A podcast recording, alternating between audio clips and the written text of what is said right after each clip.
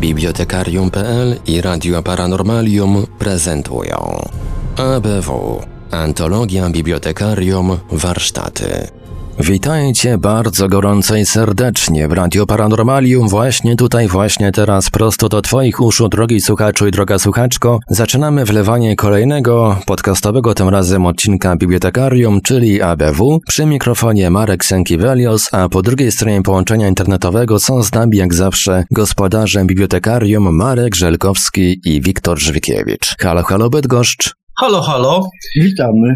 Witamy. To właściwie to tak zawsze po tej porze roku są kłopoty z y, mówieniem, czy to już dobry wieczór mówić, czy jeszcze dzień dobry, bo jasno, pomimo godziny 20, nawet nie będziemy udawać, że jest 20, bo nagrywamy to oczywiście w czwartek, ale, ale, ale, ale no, dzień, dzień, jak, dzień jak co dzień i w związku z tym jasno. Na moje dobranoc można mówić o każdej porze roku. Dobranoc? Nie. Dnia i roku. I... dobranoc, to rozumiem, tak. Znowu cię wyrwałem w środku snu, ale pogadamy sobie o opowiadaniach. A jak, jak co dwa tygodnie. Niemniej, zanim o tych opowiadaniach, y, które, które w dzisiejszej audycji, no to warto powiedzieć o tym, że to nasze głosowanie mm, na Facebooku wreszcie się zakończyło nasi słuchacze i nie tylko, bo także, także osoby z zewnątrz, wybrały dwa tematy do konkursu, który mamy, mamy ogłosić na początku lipca. Ja nawet wiem, na jaki tytuł głosowali panowie. Bo na pewno im się tęskni. Hotel na uboczu, hotel na uboczu. No dobrze, to ja teraz, e, zanim, zanim zaczniemy o tym, to ja powiem. Oficjalnie wygrały dwa tematy. Hotel na uboczu i Diabeł gra w kości. Początkowo e, nasze szefostwo miało ochotę, żeby jeszcze zrobić dalsze głosowanie i wybrać, wybrać jeden z tych tematów. Przekonaliśmy siłą e, spokoju i siłą przekonywania, że jednak może zostać przy dwóch, bo będzie dwóch zwycięzców. E, będzie, będą dwie części antologii, która przypomnę będzie się nazywała Rubieże Rzeczywistości, tak jak, jak seria wydawnicza, w której, której pojawiają się kolejne książki, a więc Rubieże Rzeczywistości i, i będą miały dwa tematy przewodnie, a więc Hotel na uboczu i Diabeł gra w kości. Na który temat byś pisał? Eee, nie wiem, Bogiem ma prawdę, to na każdy bym pisał, gdybym pisał.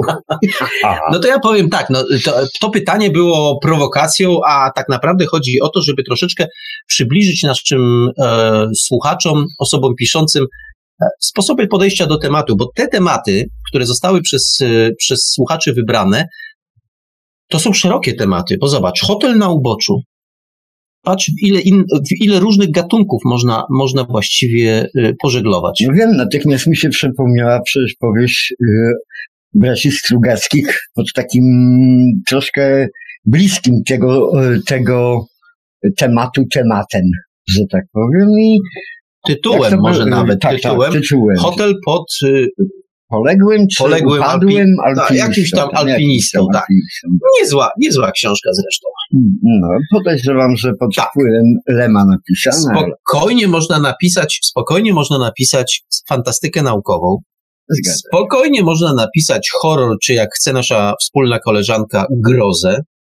Spokojnie można napisać sensację, zwykłą, bez żadnych, bez żadnych dodatków fantastycznych spokojnie można napisać niezły kryminał. Ja przypomnę, ja przypomnę, że taka jedna z bardziej znanych y, y, nowelek Agaty Christie pod tytułem Pułapka na myszy i dzieje się w takim, od, ja nawet nie pamiętam, czy to hotel, ale w takim odciętym od świata mm, y, domu, czy też, właśnie, czy też właśnie hotelu, pensjonacie, nie wiem.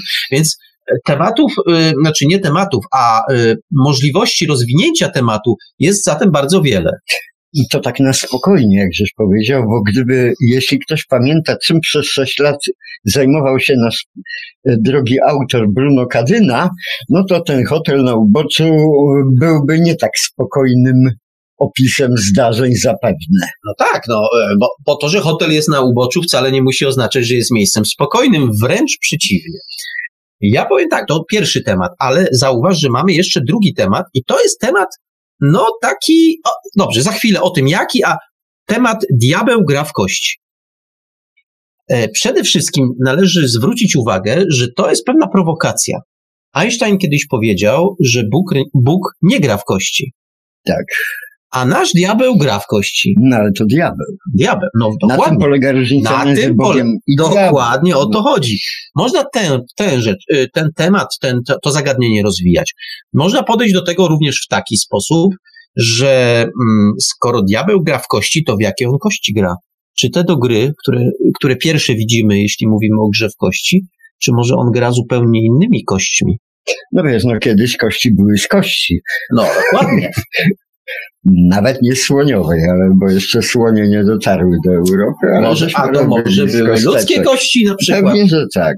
No, w każdym razie, no, tu się oczywiście pojawia y, diabeł jako, jako, jako zaproszenie do grozy, do horroru, ale jak pragnę, pragnę zwrócić uwagę, że można podejść do tego tematu w taki sposób, żeby grozy uniknąć. To wbrew pozorom nie jest, y, nie jest z naszej strony namawianie do pisania grozy, tylko może do y, jakiegoś sprytnego ominięcia tego, tego, mm, tego zagadnienia, zwanego grozą. To wiesz, groza dla mnie jakoś dziwnie się zawsze z satyrą kojarzy, proszę ciebie.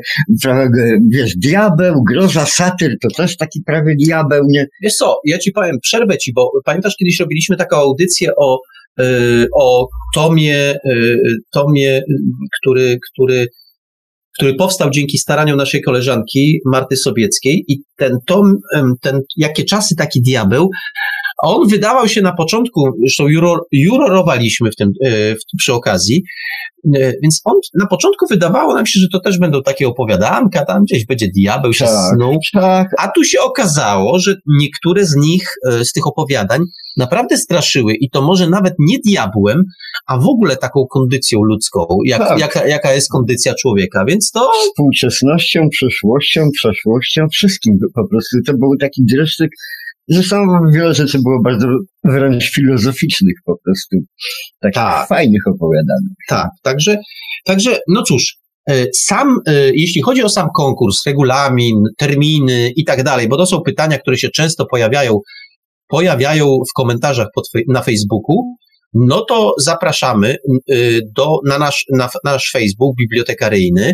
Proszę go uważnie śledzić. Sądzę, że w przyszłym tygodniu pojawi się y, takie filmowe zaproszenie do tego konkursu, w którym, y, w którym odpowiem, y, zdradzę, uchylę rąbka tajemnicy odnośnie właśnie tych terminów, objętości opowiadań i tak dalej, i tak dalej. To zawsze autorów interesuje. Mm, No ale to w przyszłym tygodniu. Proszę śledzić naszego Facebooka, tam się na pewno, na pewno szczegóły pojawią. Teraz wiesz co?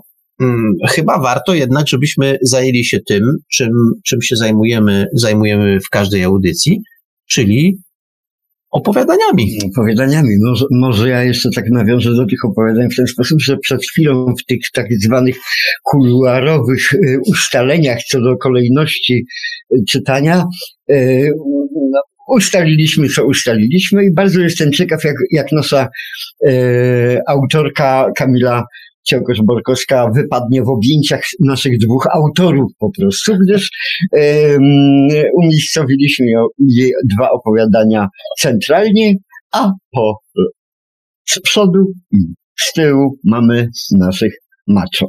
A ja tylko, tylko tytułem e, wprowadzania porządku e, sprostuję Kamila Ciołko-Borkowska. Dobrze. Wiesz, trzeba, trzeba porządek zachowywać. No to cóż, Wiktorze, zaczynamy od y, człowieka, który od pewnego czasu przysyła nam opowiadania i te opowiadania, oj, chciało, chciałem, chciało mi się zrymować, robią sporo zamieszania. W naszych głowach robią sporo zamieszania, bo one e, no nieuchronnie są coraz lepsze.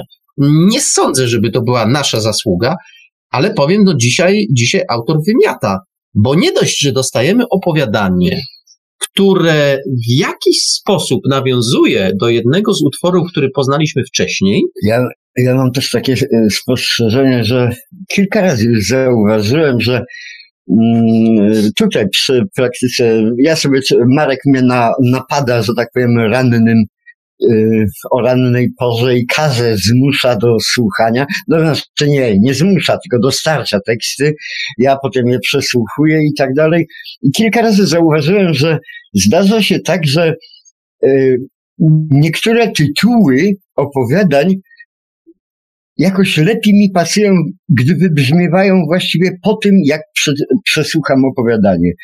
E, opowiadanie, które e, w tej chwili Państwu zaprezentujemy, według mnie ma genialny zupełnie, genialny zupełnie tytuł, jeśli się już zna e, treść. E, to jest tak wspaniała, wspaniała zabawa właściwie, taki, taki, taki, taka przenośnia. Ja byłem zachwycony, bo ja pierwszy raz przesłuchałem to opowiadanie bez, e, nie dotarł do mnie tytuł, że tak powiem. Przesłuchałem to opowiadanie i dopiero tutaj w redakcji kiedy Marek y, na komputerze przeglądał teksty, ja patrzę, Boże, ten, to opowiadanie ma taki tytuł, taki właśnie tytuł. Jaki no, powinno mieć. Dokładnie. dokładnie. No nie powinno, bo ja bym na to nie wpadł chyba. Świetny tytuł, kapitalny tytuł. Zresztą chyba o, um, o dobieranie tytułów będziemy musieli kiedyś w warsztatach po, poświęcić całą osobny, osobną tak, audycję, tak, tak. bo to jest wbrew pozorom piekielnie ważna sprawa. A w dodatku, żeby było zabawniej, nie ma e, jednej dobrej recepty. Nie ma, nie, nie ma. ma, nie ma. Z wyjątkiem może, jak już e, mówiłeś o, o konkursie, który, który ten, ja miałem na przykład taką metodę, E, metodę, że pisałem jak pisałem, jak mi się udało. Natomiast jeśli wysyłałem na konkurs opowiadania, to zawsze było e, moje opowiadanie z tytułem bezwzględnie konkursowym. Czyli ja zawsze uwzględniałem, że po konkursie będzie wydanie książkowe. Czyli ja oczywiście byłem w 100% pewien, że moje opowiadanie musi być tytułowym opowiadaniem. I proszę bardzo, mogę zacytować dwa konkursy, w których wziąłem udział i które praktycznie wygrałem, to były takie tytuły książek, już mówię. Wołanie na mlecznej drodze. Czy lepsze do science fiction może być tytuł? Wołanie... A w dodatku, a w dodatku przecież to nie było opowiadanie, które wzięło pierwsze tak, miejsce, jest. ale wzięło tytuł tomu. Ale tytuł był najlepszy. Tak Drugie jest. opowiadanie, na, konkurs na słuchowisko. W cieniu Sfinksa. Świetne tytuł na książkę. No i taki tytuł ma książka. Dlatego polecam e, naszym autorom, żeby nieźle się tam przygotowali i strzelali po prostu w dychę e, z tytułami, bo konkurs ma swoje prawa. No tak, ale teraz już wiesz co, nie zbaczajmy, tylko dajmy szansę Jurianowi i dajmy szansę opowiadaniu Podróż sentymentalna. Marku, prosimy. Jurian. Podróż sentymentalna. Muszę w końcu zacząć pisać. To przecież główny powód, dla którego tu jestem. Jak latarnik, ale on chyba czytał. Ze zmarszczonym czołem starałem się wydrzeć treść książki z odmętów pamięci. Tak, w każdym razie mamy wspólny mianownik. Czytał, pisał, obaj zamieszani w literaturę. Zresztą ten, jak mu tam Skawiński, to był też kawał hultaja. Bratnia dusza. Tylko czy dam radę? Odwlekam napisanie pierwszego zdania w pamiętniku, jakbym miał rozpocząć drogę przez mękę. A przecież nic nie muszę wymyślać, tylko przypomnieć sobie, jak to było. A było... Uśmiechnąłem się do siebie. To będzie dobry początek. Odwlekałem napisanie pierwszego zdania w pamiętniku, jakbym miał rozpocząć drogę przez mękę. A przecież nic nie muszę wymyślać, tylko przypomnieć sobie, jak to było. A było i naprawdę, i w ilościach wystarczających na okraszenie kilku żywotów. Miałem niesamowite życie. Chyba w jakiś magiczny sposób przyciągałem przygody i przeróżnych cudaków stających na mojej drodze. Wyprostawałem się na skrzypiącym skórzanym fotelu, zerkając na nierówne linijki tekstu. Codziennie jedna strona. Przeliczyłem w myślach, jednak trochę mało. Jeśli uda się dwie strony dziennie, to będę miał spisane prawie całe życie.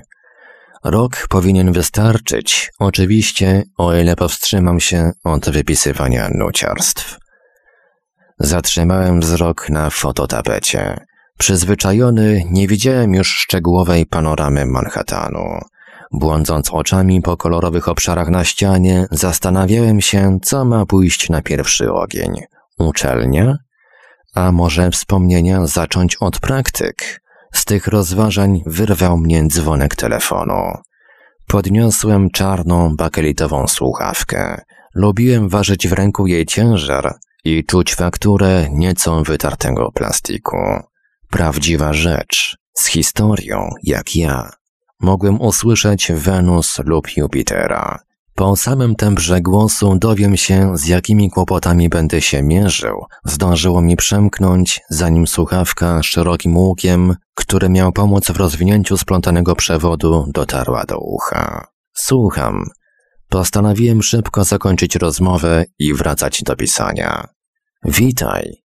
To była Wenus. Lubiłem jej miękki, zmysłowy głos. Z czym mam problem? Skoro to ona dzwoniła, nie mogło go nie być. Z maszyną o numerze rejestracyjnym 412, która popełniła wykroczenia. Niezgodności dotyczą punktów S4 oraz KOM7. Wenus, jaśniej proszę. Lampy w moim biurze natychmiast rozjarzyły się pełnym blaskiem. Uniosłem oczy w stronę sufitu, przeżuwając w myślach łagodne przekleństwo. Nigdy nie nauczę się rozmawiać z komputerem, który ma głos bardziej ludzki od niejednego człowieka. Wyjaśnij znaczenie podanych kodów. Kod S4 to wykorzystywanie przez maszynę osprzętu technicznego bez uzasadnionego powodu, a KOM7 w katalogu odstępstw i uchybień to błędne lub niezrozumiałe komunikaty w wymianie pomiędzy poszczególnymi jednostkami. Czym jest to spowodowane i na ile groźne dla funkcjonowania całej infrastruktury? Brak danych. W odpowiedzi na drugie pytanie szacuję zagrożenie od bardzo niskiego do niskiego. Coś odwróciło moją uwagę. Zaskoczony chwyciłem przewód słuchawki i zbliżyłem urwaną końcówkę do twarzy. Ach, oszuści! Nie zrozumiałam kontekstu. Głos w słuchawce był nadal wyraźny. Nie do ciebie. W głowie mi się zagotowało. Obiecywali oryginalne wyposażenie. Chciałem tak niewiele. Fotel, koniecznie obity naturalną skórą, dębowe biurko, trzy fototapety i czarny telefon starczą. Czy to tak dużo? Skieruj maszynę do przeglądu i nie zawracaj mi już tym głowy. Zrozumiałam. Pragnę jedynie poinformować, wcześniej nie zdążyłam, że w omawianym przypadku występują też błędy nieskatalogowane. Opisz zdarzenie. Słuchałem jednym uchem, rzeczywiście i w przenośni, myśląc cały czas o słuchawce z zerwanym przewodem, a jednak sprawującej się doskonale. Ciekawym, co ukryli w fotelu i czy pióro nie jest jednocześnie skanerem. Jednostka w ciągu ostatnich 20 dni była siedmiokrotnie kierowana na przegląd z tej samej przyczyny. Za każdym razem po powrocie, najpóźniej w ciągu 48 godzin, zniszczeniu ulegał komputer kontrolny. Może coś nie współgra z tym komputerem, jakieś zwarcia, przebicia, niech to sprawdzą dokładnie. Brak wyraźnej przyczyny tej serii awarii. Wszystkie wyniki zgodnie z dokumentacją, wręcz wzorcowe. A te punkty, to znaczy kody, opisz dokładnie zachowanie maszyny. Podaję ostatnie wpisy do archiwum. Ratrak S10 o numerze rejestracyjnym 412, lista niezgodności, kod S4. Pojazd kieruje jedną z kamer poza obszar trasy przejazdu, pionowo nad siebie, w przestrzeń kosmiczną. Zachowanie alogiczne, nieułatwiające prowadzenia zespołu trakcyjnego. Kod KOM7. Pojazd podczas postojów przeznaczonych na ładowanie akumulatorów zapisuje w pamięci sieci głównego ciągu niezrozumiałe komunikaty. A nie powinien przesyłać komunikatów? Jak to działa? Problem zaczyna mnie interesować. To nie wyglądało na jakiś tam zwyczajny wybryk, biorący swój początek w błędach oprogramowania albo złej interpretacji polecenia. Ma obowiązek zapisać wszystkie ważne informacje dotyczące zaobserwowanych zmian powstałych na trasie przejazdu. Po ponownym podłączeniu baterii akumulatorów, Ratrak powinien pobrać te informacje. To sposób na zachowanie informacji ważnych w kontekście bezpieczeństwa i wydajności pracy maszyny.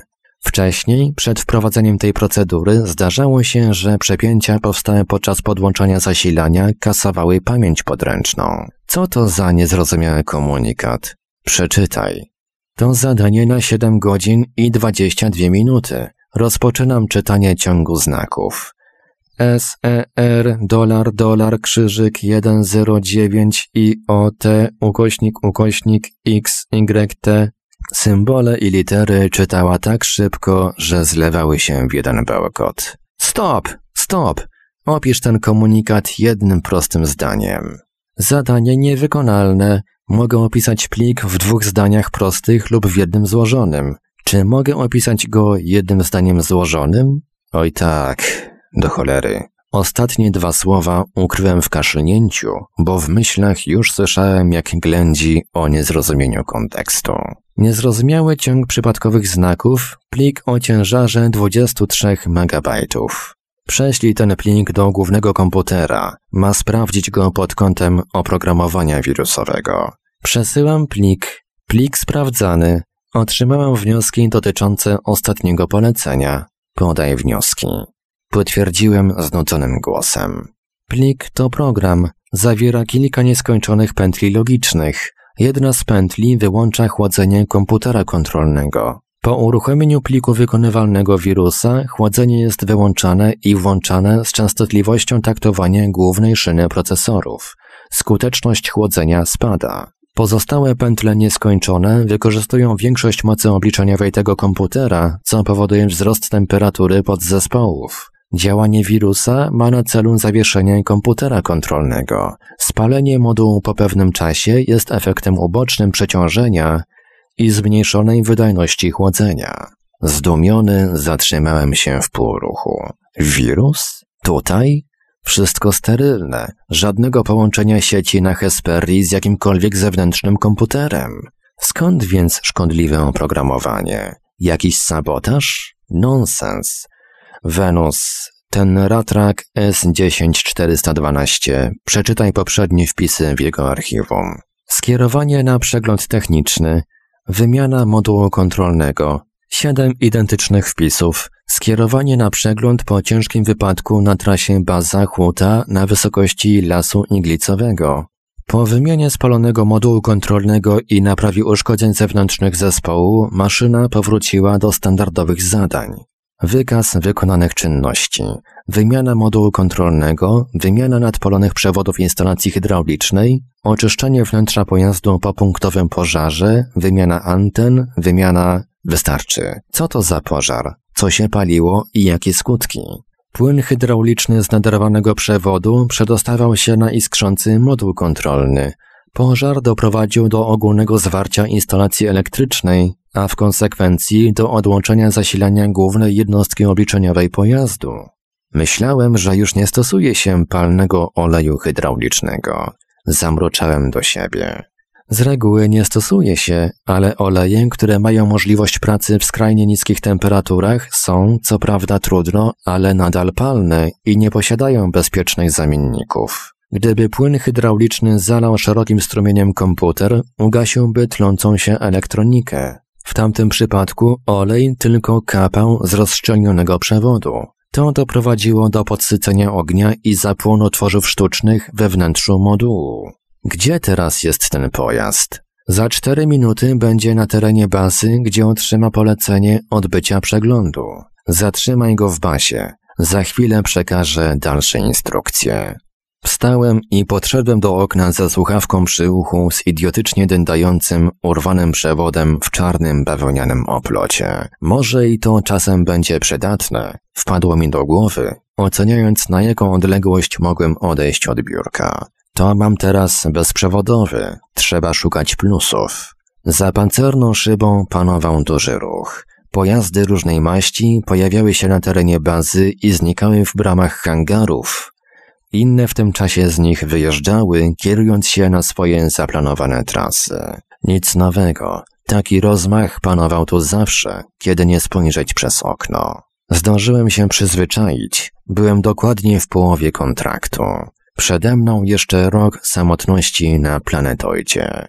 I pomyśleć, że w pierwszych miesiącach pracy od czasu do czasu osobiście monitorowałem bazę, odkrywkę i hutę. Nie miałem takiego obowiązku, ale zwyczajnie to lubiłem. Dziś kontrolowałem całość przez telefon, a w zasadzie przez coś, co go udawało, a cała papierowa biurokracja to raptem trzy segregatory. z raportami rocznymi, kwartalnymi i miesięcznymi. Skoncentrowałem wzrok na kolejnym powracającym pojeździe. To był Ratrak, być może właśnie ten z problemami natury osobowościowej. Wykrzywiłem usta w imitacji uśmiechu. Rzędy reflektorów maszyny rozświetliły część obszaru bazy. Pokazywała się co chwila w pełnej okazałości, przebijając się majestatycznie przez tumany pyłu. Przybliżyłem zoomem widok za oknem. Kiedy światła reflektorów minęły mnie i przestało oślepiać, zauważyłem ruch na dachu pojazdu. To kamera, która przekręciła się w stronę mojego biura, łypnęła odbitym blaskiem od optyki i zatrzymała się na moment. Poczułem się dziwnie. Niby nic, takie zwykłe zaburzenie, złamanie kanonu dobrego sprawowania, jednak nie mogłem otrząsnąć się z myśli, że to coś patrzy na mnie ze świadomością. Ratrak, pełznąc powoli, podniósł hydrauliczne ramię i wykonał dziwny ruch. Zupełnie bez sensu. Poruszył nim dwa razy na lewo i prawo, aby sekundę później z powrotem przenieść wysięglik na trójkątną podporę nad dachem kabiny. Stałem jeszcze przez chwilę unieruchomiony plątaniną myśli. Czy to przypadek? Prądy błądzące po układach scalonych, czy świadome działanie? Trzęsący się wysięgnik, jak pląsawica w chorobie umysłowej? Tak, prawda. Ten model ma biokomputer wykorzystujący szczurze mózgi. To nie te czasy, kiedy można było zwalić wszystko na przebiegi elektryczne. Patrzył na mnie. To coś na mnie patrzyło. Czułem, jakby w środku był człowiek. Ale to tylko maszyna. Skomplikowana, inteligentna, ale tylko maszyna. Zachciało się traktorowi podziwiać gwiazdy. Nie potrafiłem jednak przekonać sam siebie. Pozornie genialna myśl rozświetliła mój umysł gwałtownym błyskiem. Gdyby tak przerzucić odpowiedzialność na ludzi z centrali na ziemi, niech się zastanawiają tęgie głowy. Ale co im powiem, że pojazd gąsienicowy mnie obserwował i do mnie pomachał? Śmierdzi mi to naftaliną. Wyjdę na starego głupca, któremu samotność pomieszała w głowie, przez co na siłę szuka kolegi. Sprawa musi pozostać wśród tych skał. Muszę się grubo zastanowić. Raz już popełniłem podobny błąd. Tak to oceniam z perspektywy lat. Czuję jego brzemię do teraz. Jak się nazywał tamten robot? Termit? Terminator? Terminal? Zaraz sobie przypomnę. Skierowałem kroki do półki z segregatorami. Przechodząc obok zabytkowego biurka, odłożyłem zbędną już słuchawkę. Wyjąłem odpowiedni kwestionariusz i kładąc go przed sobą, wygładziłem powierzchnię. Naelektryzowana kartka przykleiła się do blatu. Technika czasem bywa użyteczna, szczególnie dla zatwardziałego tradycjonalisty. Rozważałem, przypominając sobie, jak uciążliwe było niegdyś pisanie w warunkach niskiej grawitacji.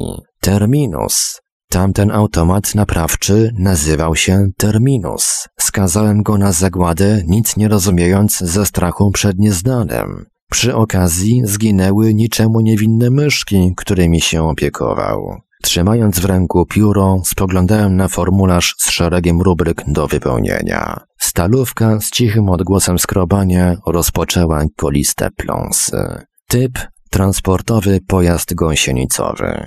Model Ratrak S10. Numer rejestracyjny 412. Rodzaj uszkodzenia chroniczna awaria modułu kontrolnego. Wnioski nie zawahałem się ani przez chwilę. Nie tym razem. Zresztą na stare lata miałem prawo się pomylić. Nic nie zrobią staremu człowiekowi. Wnioski? Odłączyć na stałe moduł kontrolny. Przewrócić do pracy. Poczułem, jakbym spłacił stary dług. Było mi lżej w środku. I jeszcze podpis. Komandor Pirks. Dodałem w nawiasie, jak miałem zwyczaju od jakiegoś czasu w stanie spoczynku. I jak, Wiktorze? No widzisz, Dalej robi takie wrażenie? robi takie wrażenie po prostu, bo to opowiadanko mm, no ty, mów, ty tak strasznie chwalisz autora, ale on tak różne teksty podsyła. Natomiast ten, ten tekst jest absolutnie kapitalny. Nie przesadzaj. Zdarzyła się tak naprawdę jedna wpadka. Żeby tobie się w życiu jedna wpadka zdarzyła, to byłoby dobrze.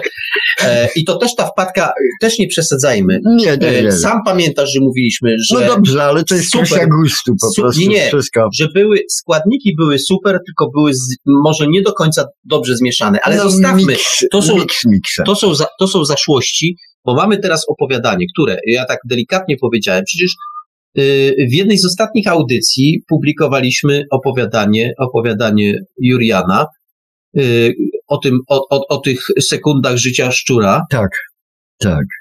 No to jest właśnie przecież, tam się Yy, dzieje, tylko z innej perspektywy to patrzymy. To znaczy akurat, akurat ten chwyt, który on, y, y, że tak powiem, drugie, to jest piekielnie obiecujący wątek. Jeżeli ja bym autorowi pro, proponował ten, ten cały obraz tych jakichś tam robo, maszyn, które pracują, ludzi, którzy pracują gdzieś na asteroidach, w tym klimacie, to jest naprawdę kapitalne, e, kapitalna rzecz, tym bardziej, że mm, to nas czeka w nie, bardzo niedalekiej przyszłości. Nie żadne planety, ale pas asteroidów będzie prawdopodobnie eksploatowany. Zresztą z tym się no, e, Obama już to zapowiadał zresztą. Że, Czego on nie zapowiadał? No tak, tak, tak, zapowiadał.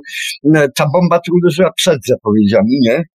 Yy, Tam na Japonię. Nie, to było przed zapowiedziami faktycznie. No, no w, w każdym razie yy, ten temat, ja bym ten wątek chyba yy, proponował autorowi, żeby on to pociągnął po prostu. To jest coś takiego, ma taki pewien klimat ym, zbliżony do, do tego całego cyklu yy, Przemysława Cichonia. O właśnie, chciałem to powiedzieć, że No. tu się pojawia bardzo ciekawy, y, ciekawy temat na cały zbiorek. Tak, co się. mówić. Jak, nawet y, to nawiązanie do Pixa, które jest y, y, do twórczości Lema, to też jest obiecujące, bo y, Lem y, i całe, ta, całe te opowieści o pilocie Pirksie, to przecież była próba pokazania y, takiej sytuacji, w której kosmos staje się miejscem pracy właściwie, Tak. codziennością. E, Lem to oczywiście pokazywał w trochę innych dekoracjach, ale tu być może Jurian ma szansę, jeśli w ogóle będzie zainteresowany tym, żeby stworzyć cykl opowiadań o tym, jak się tyra po prostu tam, w, tamty, w tamtych miejscach. Tu mamy yy, taką sytuację, że jest jeden człowiek, który nadzoruje te wszystkie maszyny, ale y, ja myślę, że y, wszelkich fabularnych y, wątków, które można pociągnąć w takich dekoracjach, jest naprawdę ogromnie No dużo. nie, no, ja wierzę w no, e, autora po prostu, bo, bo ma, ma polot, a tym opowiadaniem, e, zresztą to opowiadanie mnie zachwyciło jedno, jedną rzeczą, dekoracją. Otóż Tak. jak ktoś pamięta, e, kim był Pirks, jak, jaki był, on był staromodny, taki kostyczny, świat tam ulema leciał do przodu, ale nie tak bardzo jak dzisiaj poleciał.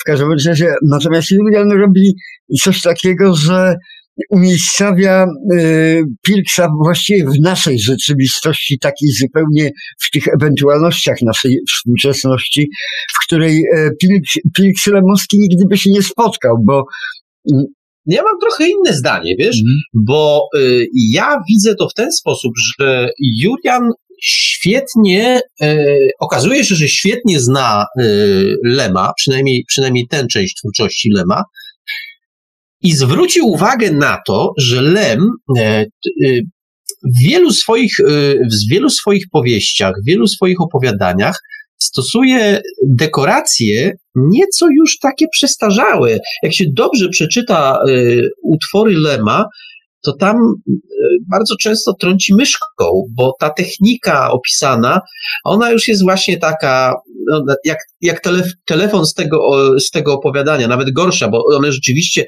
y, mają kable i są jakieś takie starczą. Tutaj przynajmniej ten telefon, y, no, udawał telefon, telefon starczą. Natomiast y, u Lema rzeczywiście jest coś takiego, że ta technologia, jak się ją dzisiaj czyta, y, dzisiaj czyta jego opowiadania, to ta technologia się, którą on opisywał, mocno się zestarzała. I Julian to fajnie wychwycił, że to coś takiego, coś takiego ma miejsce.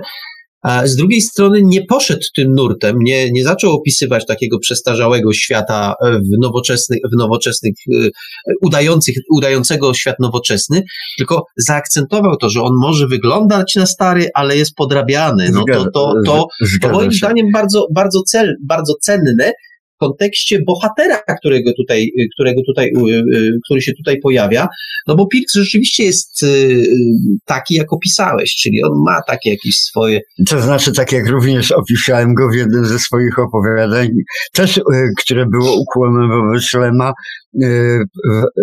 takim Appendix opowiadanku... Solariana. Tak, Appendix Solariana, gdzie też występuje Pirks osobiście i tak dalej i no, ten Pirks, przynajmniej dla pewnych pokoleń, e, okazuje się w Polsce postacią kultową po prostu. Przecież tylu bohaterów Lem wykreował, ale ten poczciwy, troszkę roz, rozkojarzony Pirks, który ba, bardzo często postępował, nie zdając sobie sprawy, dlaczego po, tak postępuje, i e, nagle się okazuje bardzo sym, sympatyczną postacią. A tak jak mówiłeś o tej e, sferze technologii, to zwróć uwagę, że wielu książkach książkach, albo nawet w grach komputerowych. Mm, jest e, właśnie używany ten zabieg, zabieg tak zwanej ten low technology po prostu, czyli słabej y, technologii, takiej, takiej pół tego, gdzieś prawie sterowce, prawie tam Desert Eagle jakiś tam się tego, zamiast laserów, zamiast e, świetlnych mieczy i tak dalej, nie? To, o, sterowce to podobno jest jeszcze pieśń przyszłości. No pewnie, ja też wiem, nawet wiem dlaczego, nawet wymyśliłem patent, chwaliłem się. Nie wymyśliłem taki patent. Otóż ja w ogóle nie rozumiem, dlaczego te balony kiedykolwiek były czymkolwiek nadmuchiwane. Nie należy nadmuchiwać, ale wręcz odwrotnie, wyciągać. Najlżejsza jest próżnia. Tak, tylko że to już wymyślono, a tu by trzeba Led Zeppelin chyba e, zastosować. E, e, świadome, świadome jest to nawiązanie do, do, do, do nazwy kapeli a to by się chyba jednak nie sprawdziło, bo to, co by musiało ten próżnię utrzymywać, byłoby tak ciężkie, że i tak by się nie podniosło. Nie, nie, sprawdzi, sprawdziło się. Przy dzisiejszym współczesnym e, materiałoznawstwie, że tak powiem, to o, można to opanować, bo e, technologie... Ja myślę, że przy dzisiejszym jeszcze nie, ale idea jest na tyle interesująca, dobrze, że może, dobrze, może dobrze. gdzieś w przyszłości rzeczywiście. A wracając do, wracając do opowiadania Juriana, to ja powiem tak. Ja nie wiem, czy autor ma na to ochotę, czy nie, ale jeśli by miał e, jeszcze mm, e, ochotę na to, aby aby pociągnąć e, jakieś historie w tym świecie, który nam... Skoro zrobił dwie, dwie historie, to na pewno zrobi trzecią. To ja jestem, to ja jestem czytający pierwszy ja to... i, i ja czekam, czekam jeśli, nie, by, ja jeśli by były... Zobaczymy, nie pokłócimy się. Do wójta nie pójdziemy, jak to mawiają. W każdym razie e, już e, Jurian dwóch e, zapalonych czytelników swojego, miejmy nadzieję, cyklu ma.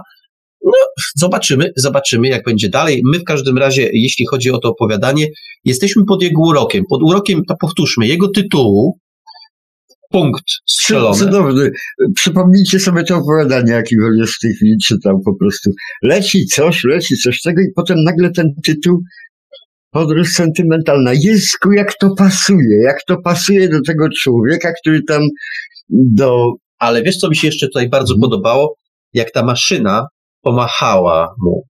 No Pamiętasz? Tak, no tak. To było, nie wiem dlaczego, też, też nie potrafię powiedzieć, ta scena mi się niezwykle podobała. Myślę, a w dodatku myślę, że Jurian tak ją napisał, żeby ona mi się podobała właśnie. No bo to jest, to jest prawie taki gest, wiesz, e, każdego obcego czy przybysza, kiedy my nie mamy kontaktu żadnego, nie mamy e, styczności żadnej, gdzieś z daleka, baba, tak.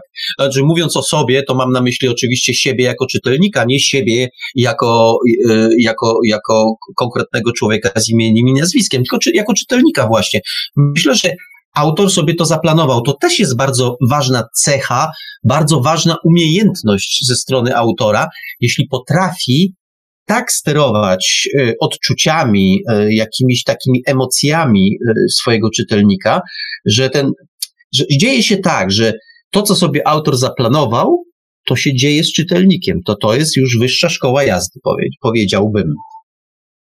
Wiktor kiwa głową, czego nie widać, więc ja, więc ja tutaj właśnie, właśnie to podkreślam.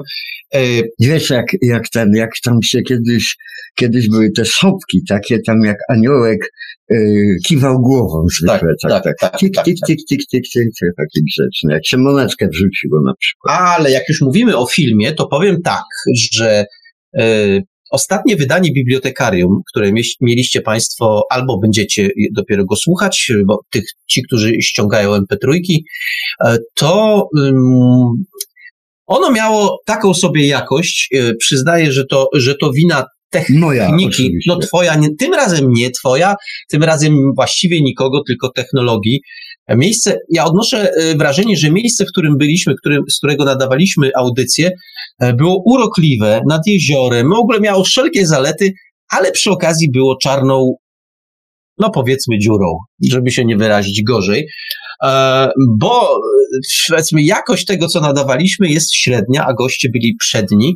W związku z tym, no ale zwróć uwagę, że tak to jest z tymi miejscami urokliwymi. Tak. One zwykle są dosyć odcięte od świata. Do, odcięte od świata. dostępne. No tak, ale, ale powie, ponieważ są ludzie, którzy e, jakoś szczególnie e narzekają na jakość dźwięku, chociaż ja nie, ja bym, ja, mając do, do możliwość odsłuchania takich gości, jakich mieliśmy w ostatnim bibliotekarium, to bym nie narzekał, ale dla tych szczególnych koneserów e, przygotowujemy niespodziankę.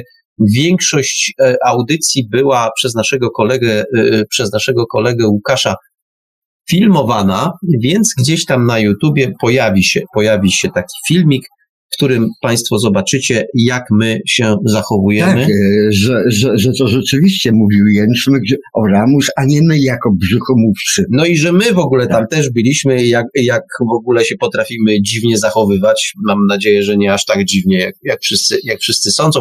W każdym razie, za niedługo taki filmik e, na kanale, na kanale Bibliotekarium pojawi się, zapraszamy, ale to, to, sprawa, to sprawa przyszłości. E, zabierzmy się za kolejne, zabierzmy się za kolejne opowiadanie. E, tak jak powiedziałeś gdzieś tam na początku, teraz oddamy głos kobiecie. Kamila Ciołko-Borkowska, e, pierwsze opowiadanie zatytułowane Muza. Marku, prosimy.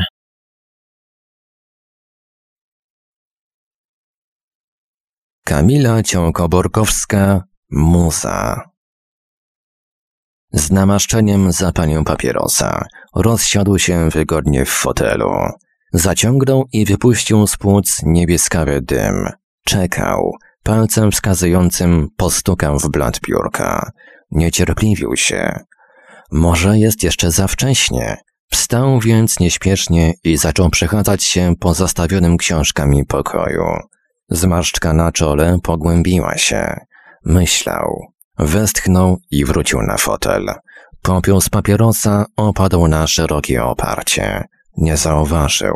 Nadal wpatrywał się w jeden punkt. W tym momencie drzwi uchyliły się i do pomieszczenia weszła ona. Uśmiechnęła się zmysłowo. Co tak późno? Oj, znasz mnie, powiedziała powoli. Nie interesuje mnie, że czekasz. Przychodzę niespodziewanie. Czekam od rana, nie mam pomysłu, a termin goni. Znów palisz, zmarszczyła nos z niesmakiem. Wiesz, że tego nie lubię. No ale mów. Tom właśnie zabił swoją żonę. Nie wiem, czy powinien uciekać, czy może ukryć zwłoki. Pogłaskała głowę mężczyzny. Stanęła za nim. Dłonie położyła na jego ramionach, pochyliła się i zaczęła szeptać mu do ucha.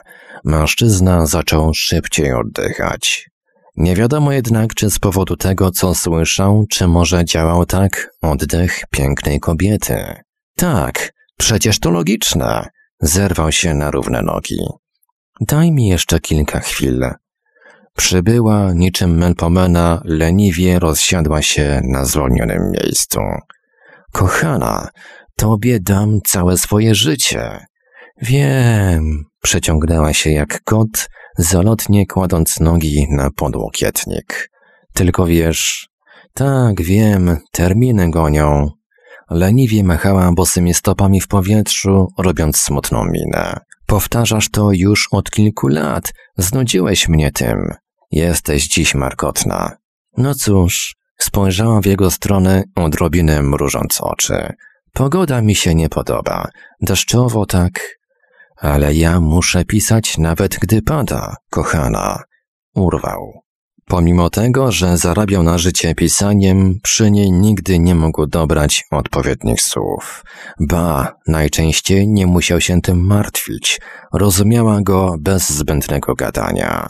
Dlatego właśnie ich relacja była taka piękna. Wiedziała, zawsze wiedziała o co chodzi. Wystarczyło, że na niego spojrzała. Fakt, była nieprzewidywalna, przychodziła i odchodziła kiedy chciała. Potrafiła spędzić z nim pięć minut, a czasem nawet całą noc. Popychała go do pisania. Dawała mu siłę tworzenia, o jakiej mogli pomarzyć tylko mistrzowie. Uwielbiał ją. Kimże byłby bez niej? Nikim. Otóż to, nikim, a nawet niczym. Sam nie napisałby jednego zdania. Potrafiła marudzić i mieć niesamowicie wielkie wymagania. Zgadzał się na wszystko. Nie potrafił tylko rzucić palenia. To ono umilało czas oczekiwania na nią. Jego muzę, przynoszącą wspaniałe natchnienie. Kobietę z marzeń, która ofiarowywała wspaniałe doznania. Pieściła zmysły pisarskich namiętności. Tylko dzięki niej był tak poczytnym autorem. Usiadł na krześle. Kilka miesięcy temu złamało się oparcie. Jednak nie przywiązywał wagi do tak błahych rzeczy. Najważniejsze było to, że przyjdzie i da mu siłę tworzyć. Pozwoli mu się zatracić w myślach, które przeleje na papier. Dłonią musnął maszynę do pisania, wiedząc, że niedługo spędzi wspaniałe chwile przy biurku. Jeśli pójdzie dobrze, skończy powieść już niedługo. Nie odzywał się, by nie spłoszyć swojej muzy. Nie chciał, by uciekła. Znał ją na tyle, żeby wiedzieć, jak bardzo jest płochliwa. Odruchową sięgnął po papierosa. Zapalił.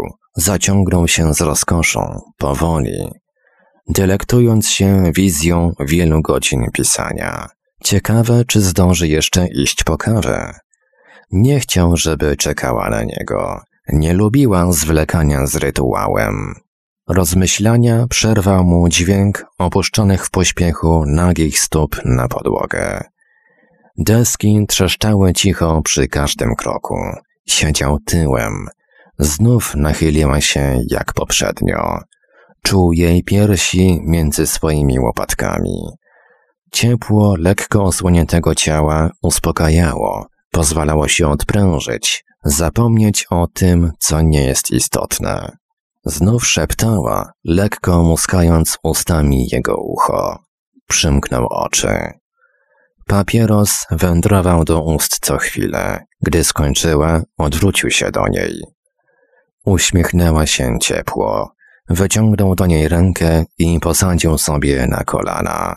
Gdy patrzyła mu prosto w oczy, zaciągnął się jeszcze raz. Pocałował kobietę w nos i dmuchnął jej dymem prosto w twarz. Uśmiechał się przy tym wesoło. Powtarzałam tyle razy, że nie lubi jak palisz. Złość zaczęła pojawiać się na jej twarzy, okraszona rumieńcem. Wraz z rozmywającym się w powietrzu wydmuchanym kłębem papierosowego dymu rozmywać zaczęła się i ona. Najpierw delikatnie, potem coraz bardziej, by w końcu całkiem zniknąć. Pisarz odwrócił się w stronę maszyny do pisania.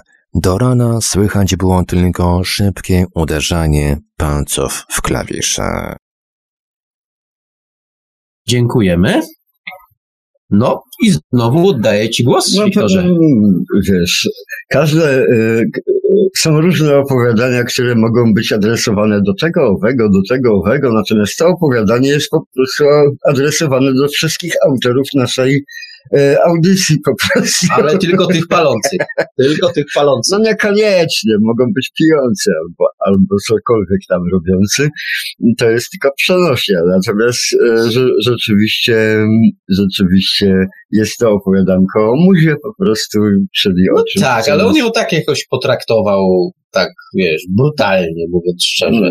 No a jak, a jak, a, a jak to traktować? To ma spełnić swoją rolę, a potem wynocha, żeby nie przeszkadzać po prostu, wie? W tym dziele tworzenia, a nie, no. raczej nie, nie tyle tworzenia, co rejestracji tego, co muza przyniosła. To najlepszy dowód na to, że muza e, nie może liczyć na wdzięczność. No nie, lo, to teraz wiesz, tak możemy sobie rozważać nad ciężkim losem muzy po prostu. Iluż po prostu nas było, ilu pisało, ile wymyślało, a kto tam pamięta o murzach, nie? No dobrze, pożartowaliśmy, ale powiem, że yy, yy, zadam pytanie. Jak ci się podobało to opowiadanie? E, wiesz, e, e, ja obydwoma opowiadaniami pani Kamili jestem po prostu bardzo zadowolony. E, one mi się po prostu podobają. One mi się, one są lekkie, fajne, sym, są sympatyczne po prostu i... Ale znowu nawiążę do naszej rozmowy kuluarowej, jak no. to już określiłeś. Ty powiedziałeś bardzo ważną rzecz, to była taka rada dla, e, dla pani Kamili że coś, na czymś się powinna skupić w, swojej, w, swoim, w swoim pisaniu. To znaczy, ale to y, myślę, że to lepiej wypali przy drugim opowiadaniu dobra, y, dobra. pani Kamili. Y, otóż ja się od dłuższego czasu zastanawiałem nad stylem pisania pani Kamili i ten, i y, on do mnie coraz bardziej trafia po prostu. Coraz lepiej mi się słucha tych tekstów. E, zaczynam być bardzo zadowolony i właściwie czekam na każde e, opowiadanie tej autorki. Ale zastanawiając się nad y, właśnie jakimiś niuansami tej prozy, tego typu prozy, chyba złapałem i w trakcie właśnie słuchania tego drugiego opowiadania znalazłem coś, co pani Kamila umiejscowiła w tym opowiadaniu. Otóż walnę Marek od razu. No dobrze, wal, to zupełnie, wal. To zupełnie nie Wojna przeszkadza. Wali, nie otóż, otóż po prostu, e, wiesz, jak jak faceci piszą bardzo często topornie i tak dalej, to masz takie wrażenie bliskiego kontaktu z czymś, dlatego, bo jest facet toporny. Natomiast kobiety ba, e, balansując jaki, przy pomocy jakichś niuansów, e, e, szafując empatią i tak dalej, e, no czasami to się tak rozpływa. Otóż pani, wtedy, wtedy, kiedy pani Kamila zaczyna używać lekkiego humoru albo dys, mm, i pewnej ironii, po prostu ironii. Wtedy te teksty nabierają naprawdę yy, pełnej mocy. One wtedy są naprawdę świetne. Ja bym polecał autorce, żeby, żeby, żeby dbała przy każdej klimatycznej, jakiejkolwiek yy, no to wiesz, powiedziałeś, że to y, właściwie powiesz po drugim tekście, ale przecież w tym opowiadaniu pierwszym, o którym mówimy, czyli w Muzie, też jest ta ironia. Też jest, Też ale jest w drugim jest jeszcze moc. Okej, okay, to za chwilę, to za chwilę. No przecież ten pisarz, który tutaj czeka na tę muzę prawie jak na kochankę, później tam ona pracuje nad nimi, pracuje, a później on się jej właściwie pozbywa, e, no to zobacz, jakie to jest, jakie to jest, e, no, jakby tak po ludzku oceniać i traktować tę historię jako, jako w pełni realną, no to co byś powiedział o takim facecie? No, no ham po prostu, no, ham tak, wyjątkowy. No, a jednak twórca. A jednak twórca. No, ale, ale ja znam takich od bywa... metra, od metra, nawet tam e, w, w Nizicy żeśmy z takim No bo twórca nie musi być, to powtórzmy, twórca nie musi być kryształowy, kryształowy nie musi być elegancki. Nie Lepiej, musi... żeby Le... No tak, ale, ale, ale przede wszystkim ma dobrze pisać. No. Dzieło się tak? liczy, Dzieło się liczy, a nie twórca. twórca jest nieważny. No, tak, twórca bywa czasami trudny do zniesienia. Szczególnie dla mózgu no, no, szczególnie dla mus, no, szczególnie jeśli tyle pali.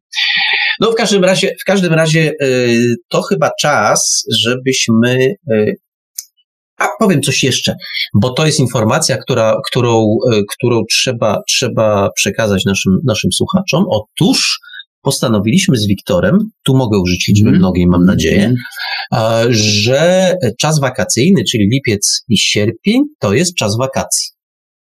I ABW jedzie na wakacje. Bibliotekarium nie, a ABW tak. I ABW przez y, te dwa miesiące wakacyjne nie będzie wychodzić e, w taki sposób, jaki Państwo y, do tej pory y, śledziliście. Nie będziemy publikować przez te dwa miesiące opowiadań naszych słuchaczy. Będziemy je skrzętnie zbierać, tym bardziej, że będą przychodzić na konkurs również. Ale, ale, ale to nie znaczy, że znikniemy zupełnie, bo żeby o sobie przypomnieć, y, będziemy co dwa tygodnie dzięki, dzięki y, pracy Marka Iweliosa jakieś krótkie teksty, tym razem powiedzmy profesjonalistów, e, zamieszczać na antenie. Myślę, że to będzie, to będzie, taka, to będzie taki bonus dla, dla słuchaczy. Takim pierwszym bonusem, jednym z pierwszych bonusów będzie opowiadanie Wiktora Żwikiewicza. Zgodził się nawet. E, Wspomniany już appendix Solariana ma się, ma się pojawić, prawda? Aha, tak? Prawda? Tak, O. tak. O, zdziwiony. No przecież rozmawialiśmy. Podobno Taka jakiś, ja wiem, o czym ja rozmawiam. a poza tym jakiś Sinbad na RQM. A, no, No. To, to akurat lubię. Starość jak świat, ale... ale się dobrze trzyma. No to, to, to w czasie wakacji, m, g- tak tytułem, tytułem rozrywki, tytułem wynagrodzenia, wynagrodzenia tego, że ta część warsztatowa m, do pewnego stopnia znika, no to będziemy jakiś sygnał, sygnał o sobie dawać. No cóż, Wiktorze, to teraz czas na drugie opowiadanie. E, opowiadanie Kamili Ciołko-Borkowskiej. Przyjaciółki. Marku, prosimy. Kamila Ciąko-Borkowska, Przyjaciółki. Poprawiłem słuchawkę w uchu. Audycja się kończy. Znów go zobaczę. Mgła zdawała się wdzierać wszędzie. Chłód był tak przejmujący, że ręce mi zmarzły. Zacząłem rozcierać dłonie, nie mogąc się doczekać widoku człowieka o tak pięknym głosie. Musimy siedzieć na tej ławce? Musimy. Kwękanie Marty zaczynało mnie mocno drażnić. Co ten facet ma w sobie? Co ma w sobie, to ma w sobie. Słuchałaś jego audycji? Ten człowiek ma hipnotyzujący głos. Każdy z nich musi mieć fascynujący głos. Jakbyś mnie nie znała, to taki fetysz. O, ale jest zimno. Cii, przerwała mnie gwałtownie. Skończył. Usiadłam wygodniej na ławce. Teraz albo nigdy. Poczekałam jeszcze chwilę. Za moment będzie wychodził z budynku. Jeśli chcę go złapać, muszę znaleźć się w odpowiednim momencie i w odpowiednim miejscu. Wiesz co? Idę sobie. Spotkamy się potem. Machnęłam jej ręką. Obraziła się. Trudno. Przeproszę ją później. Mój perfekcyjny plan wymagał skupienia. Nie miałam czasu na fochy przyjaciółki. Mój ideał wyszedł właśnie z pracy. Punktualnie. Jak zawsze szedł po kawę na wynos. Poprawiłem włosy i stanęłam za przystojniakiem. Serce waliło mi jak oszalałe. Ręce pociły się. Muszę się poświęcić. Zgodnie z planem obrócił się w odpowiednią stronę. Wpadając na mnie, rozlał kawę. Krzyknęłam, łapiąc się za oblane ramię. Kurczę, faktycznie boli. Gdyby nie był tak przystojny, nigdy bym nie zgadzała się na taki plan.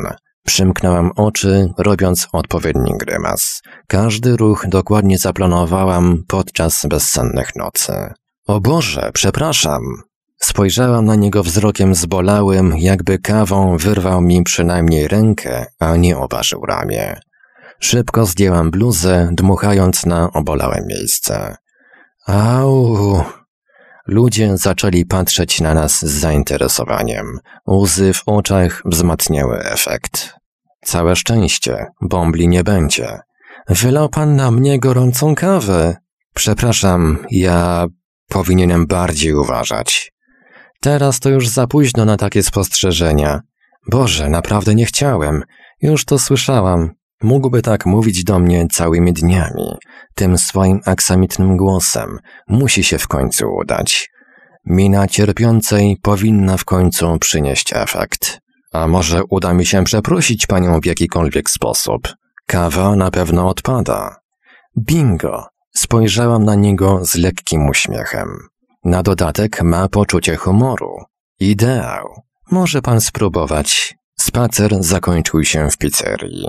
Potem był wypad na drinka i kilka spacerów nad jeziorem. Wiedziałem, że muszę go w końcu zaprosić do siebie. Tylko najpierw powinnam przekonać Martę. Była jak zwykle naburmuszona. Zapewne denerwował ją mój radosny nastrój. Zawsze, gdy pojawia się facet, idę w odstawkę. Zawsze, gdy pojawia się facet, robisz się nieznośna. Zaczęłam ją przedrześniać. Ile to tym razem potrwa? Jak to tym razem? Przecież wiesz, nie udawaj głupiej. A tym razem nie może być inaczej? Jak inaczej? Spojrzała na mnie groźnie. Nie znosiła sprzeciwu. Zawsze, ale to zawsze stawiała na swoim. No, mm, zająknęłam się. Miły jest i chciałabym poznać go lepiej. Nie bądź śmieszna. Maruś, jesteś aż tak bardzo zazdrosna? Ustaliłyśmy to już dawno temu, tak? Ty wybierasz faceta, potem oddajesz go mnie. Może jednak tym razem zmienisz zdanie. W odpowiedzi tylko spojrzała na mnie, zacisnąwszy usta w cienką kreskę. Wiedziałam, że nie było z nią dyskusji. Miałam tylko ją. Sama nie poradziłabym sobie nigdy. Radość ze spotkań z Tomkiem prysła niczym balonik, który za bardzo zbliżył się do szpilki. Próbowałem cieszyć się ze wspólnych chwil, jednak przyjaciółka naciskała coraz bardziej. Nie miałam prawa zbywać jej jeszcze dłużej. Z duszą na ramieniu zaprosiłam w końcu mojego księcia do mnie. Marta siedziała w kuchni. Posadziłam mężczyznę na sofie. Zrobię nam kawę. Poczekaj tu na mnie. Pocałowałam go czule. Wiedziałam przecież, że nie zostało nam już zbyt dużo wolnego czasu. Wybierz może jakąś muzykę. Tam masz odtwarzacz. Wolno weszłam do kuchni. Marta uśmiechała się szeroko. W ręku trzymała małą fiolkę. Schowaj to. Wyszło ostrzej niż chciałam. Po prostu nie chcę, byś zapomniała. Wiem, gdzie trzymamy prochy. Nie bój się, uśpię go, jak zawsze. Tylko siedź cicho. Ja zawsze jestem cicho. To ty krzyczysz. Właśnie ty tak zawsze krzyczysz? Jak jest mi dobrze, to krzyczę. Odburknęłam, podpalając gaz pod czajnikiem. Dobra, dobra. W tym momencie, nie wiadomo kiedy, do kuchni wszedł Tomek. Mówiłaś coś? Patrzył na mnie ufnie, stojąc w drzwiach. Nie, tak tylko do siebie. Serce waliło mi jak oszalałe. Myślałem, że ktoś jest z tobą. Rozejrzał się po malutkim pomieszczeniu. Nie, głuptasku, jesteśmy przecież sami. Podeszłam do niego, całując go delikatnie w nos. To jesteśmy po lekturze przyjaciół, przyjaciółek. No i teraz rozwiń swoją myśl, którą, którą, e, którą obiecywałeś. No, właściwie ją przekazałeś, ale pokaż, dlaczego tu lepiej widać. Wiesz, e, trudno mi to mówić, ale po prostu dla mnie e, jedna takim papierkiem lakmusowym każde, każdej inteligencji jest dokładnie ironia i umiejętność trzymania dystansu wobec, wobec powagi sytuacji, że tak powiem. Ja też tutaj pani Kamila robi to bardzo zabawnie, bardzo fajnie, bardzo, bardzo sprytnie i mnie, mnie ta historia totalnie y, y, bawiła, rozbawiła, chociaż y, uczciwie mówię, że, że tak powiem, puenty to ja nie za bardzo złapałem, ale to widocznie Jest dopiero to... po obudzeniu słuchałem, czyli musiałbym jeszcze... Nie, ja myślę, że nie. To jest, jeśli miałbym jakieś zarzuty, to to albo też nie zrozumiałem, albo mam bardzo konkretne zarzuty. Otóż ja myślę, że pani Kamila jakby nie do końca, e, do końca wykorzystała potencjał tego opowiadania, bo e, ta fiolka trzymana przez, mhm. E, przez tę przyjaciółkę nieistniejącą, czy też mhm. istniejącą, tego nie rozstrzygajmy, ale ta fiolka i później to odsunięcie tego, że wchodzi mężczyzna, tej kobiety oczywiście nie ma, to jest takie dwuznaczne, ale nie jest do końca groźne. To znaczy, e, to oczywiście może e, wyobraźnia jakoś tak podsuwa taki obraz, że e, ta kobieta tego mężczyznę przy pomocy fiolki odsunie gdzieś tam, no może to zawsze robi, bo tam pamiętasz, pojawiają się kolejni mężczyźni, to kolejny jest mężczyzna, którego ona zdobywa, więc należy podejrzewać, że ta pani jakoś tak tych mężczyzn, no no, to jest jeden z, jedna z interpretacji. Ale zobacz, o ileż to opowiadanie byłoby mocniejsze, albo takie bardziej, e, no, uderzenie byłoby po prostu, gdyby ta, mm, ta, ta, ta, ta druga dziewczyna trzymała zamiast fiolki nóż na przykład w ręku. Wiesz, Marku, może i tak, ale to, to do takiej was. Ja, ja bym, ja muszę ci powiedzieć, że odbierałem to opowiadanie zupełnie inaczej. Ja po prostu nie wiem, być może kobiety się lepiej orientują w sytuacji, która została napisana, e, opisana w tej, w tym opowiadanku. Natomiast ja odbierałem to, he, jakby się to pojechać. Kiedyś Jan Wołek pisał tak, e, śpiewał taką piosenkę dawno, dawno temu, pozwól do domu iść wódko. Po prostu. O, przepraszam, przepraszam bardzo, ale alergie szaleją po prostu. Tak, otóż e, Jan Wołek mm, właśnie tą śpiewał piosenkę Pozwól do domu iść wódko, dlatego, bo to była jego przyjaciółka. Ta przyjaciółka poz, po, pozwalała mu na wiele rzeczy po prostu.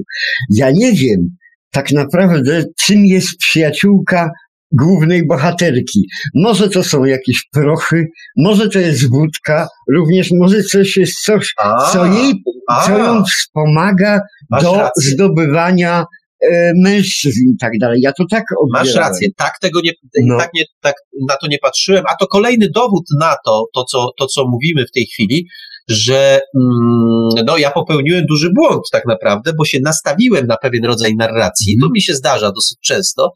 I ja po prostu już tych innych wariantów nie widziałem.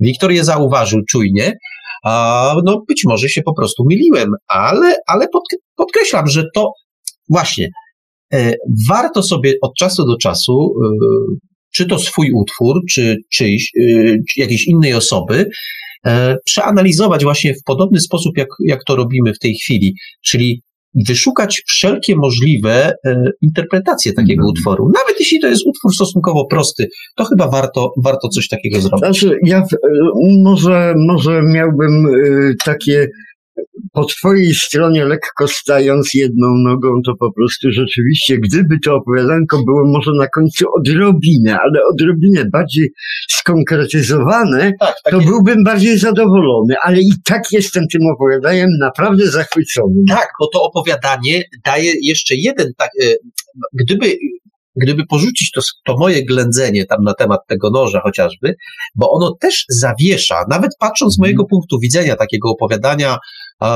no, z dreszczykiem, to ono jednak zawiesza coś, gdzieś te tabletki, te, ta mhm. fiolka jest. I teraz tak jak ty powiedziałeś, czy to jest to wspomaganie dla dziewczyny, mm -hmm. czy też to jest na przykład trucizna dla tego faceta. No właśnie, tego to okay. nie wiemy, my nie wiemy. Okej, okay, ale to może właśnie, właśnie dobrze, bo właśnie jest o czym rozmawiać mm -hmm. chociażby. Nie wiem, warto sobie od czasu do czasu y, swoje własne puenty przemyśleć, e, na ile na ile je konkretyzować, a na ile właśnie zawiesić je w taki sposób, jak zrobiła to pani Kamila, nie damy odpo odpowiedzi prostej na to, e, na, ten, e, na to zagadnienie, bo chyba takiej odpowiedzi tak naprawdę nie ma. No, czasami chwała Bogu, że nie ma, bo przynajmniej jest jakiś interpretacyjny. No, no to cóż, to trzy opowiadania za nami. Czas na opowiadanie czwarte. Tu również e, pojawi się człowiek, który sporo w naszej audycji namieszał. To znaczy, przede wszystkim, e, przede wszystkim pojawiło się jego opowiadanie, jego opowiadanie, w którym, e, w którym bohaterowie się zbuntowali. Pamiętasz tak, to opowiadanie? Tak, tak, to znakomite. Maciej Soiński. Mieliśmy też jego bardzo mocne opowiadanie o kamieniu. Pamiętasz? Tak, że pamiętam. To, to powiem tak, dzisiaj, dzisiaj też mamy, y, też mamy y, fajne opowiadanie. Tamto opowiadanie o kamieniu to właściwie lepiej by było nie pamiętać. O tak, to, to opowiadanie o kamieniu było, było naprawdę, naprawdę mocne. A no. dzisiaj mamy 6 sekund.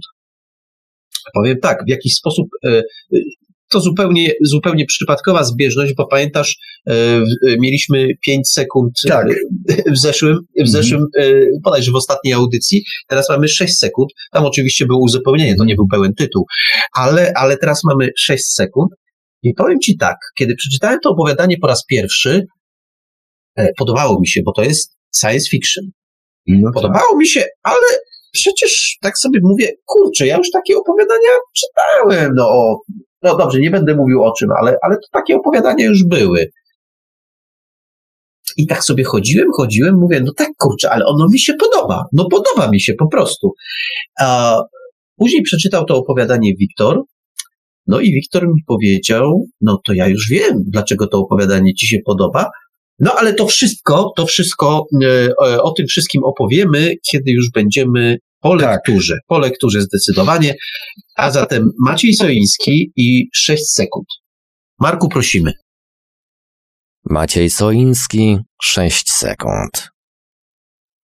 Jolu, pobudka, obudź się. Jolu, czas wstawać, powiedział damski, ciepły głos androida. Jola, słyszysz? Jest późno. Okej, okej, już, już, nie śpię. Wydusiła z siebie ziewając. Która to? Jest siódma szesnaście. Opóźniłam pobudkę o 15 minut z uwagi na przedłużający się cykl snu głębokiego. Co? Przecież spóźnię się do pracy! Warknęła wyskakując z łóżka. Jaki cykl snu? Coś ty zrobiła. W życiu nie chciałabym wstać później z uwagi na jakiś zakichany cykl. Jest to wynik wczorajszej aktualizacji oprogramowania, wyjaśniła Tima. Zwiększono priorytet zdrowego snu o 13 punktów procentowych. Natychmiast do wyla! Rozkazała w trakcie szczotkowania zębów. Anulowano. Mam jeszcze istotną informację. O 3.11 pies zwymiotował w kuchni. Miejsce zostało oczyszczone. Jola spojrzała współczująco na przegaszonego sznaucera. Zapakuj mi kanapkę, zjem w samochodzie, powiedziała, wycierając twarz ręcznikiem. Jola, niosąc w jednej ręce termos z kawą, w drugiej torbę, a w zębach bułkę, próbowała niezdarnie zatrzasnąć drzwi mieszkania biodrem. Mogła wydać polecenie androidowi, ale chciała udowodnić sobie i Timie, że tak bardzo jej nie potrzebuje. Autonomiczna kija czekała z otwartymi drzwiami. Jola, próbując jak najszybciej wsiąść do pojazdu, zahaczyła nogą o próg, rozlewając kawę na siedzenie. Cholera! sygnęła przez zęby. Tima, zamów czyszczenie tapicerki. Jolu, odezwał się w głośnikach Android. Plama wydaje się powierzchowna. Prawdopodobnie wystarczy zastosować zleć czyszczenie tapicerki. Przerwała podniesionym głosem. Coraz częściej miała wrażenie, że nie mieszka z androidem, tylko ze swoją matką, która zawsze wszystko wiedziała lepiej. Jedź strefą tylko dla auto i prędkość na maksa. Wydała polecenie samochodowi. Wiedziała, że na drogach przeznaczonych wyłącznie dla pojazdów autonomicznych prędkość ograniczają tylko warunki atmosferyczne. Mknęła przez miasto z prędkością 170 km na godzinę. Wreszcie miała chwilę wytchnienia. Rozpakowywała kanapkę, gdy nagle pojazd gwałtownie wytracił prędkość. Kija, co się dzieje? Zapytała zaskoczona i nie czekając na odpowiedź, wyjrzała przez okno. Jak okiem sięgnąć, zatrzymywały się wszystkie pojazdy. Kija, co jest? Powtórzyła zdenerwowana. Asystent pojazdu nie odpowiadał. Tima, co się dzieje z samochodem? Połączyła się z osobistym asystentem, licząc, że może jej android ma jakieś informacje o jakiejś awarii. Ale i tym razem odpowiedziała jej cisza. Już miała wyjść się rozejrzeć, lecz w głośnikach zabrzmiał zdenerwowany głos mężczyzny. Uwaga, słuchajcie mnie, nastąpiła eksploz...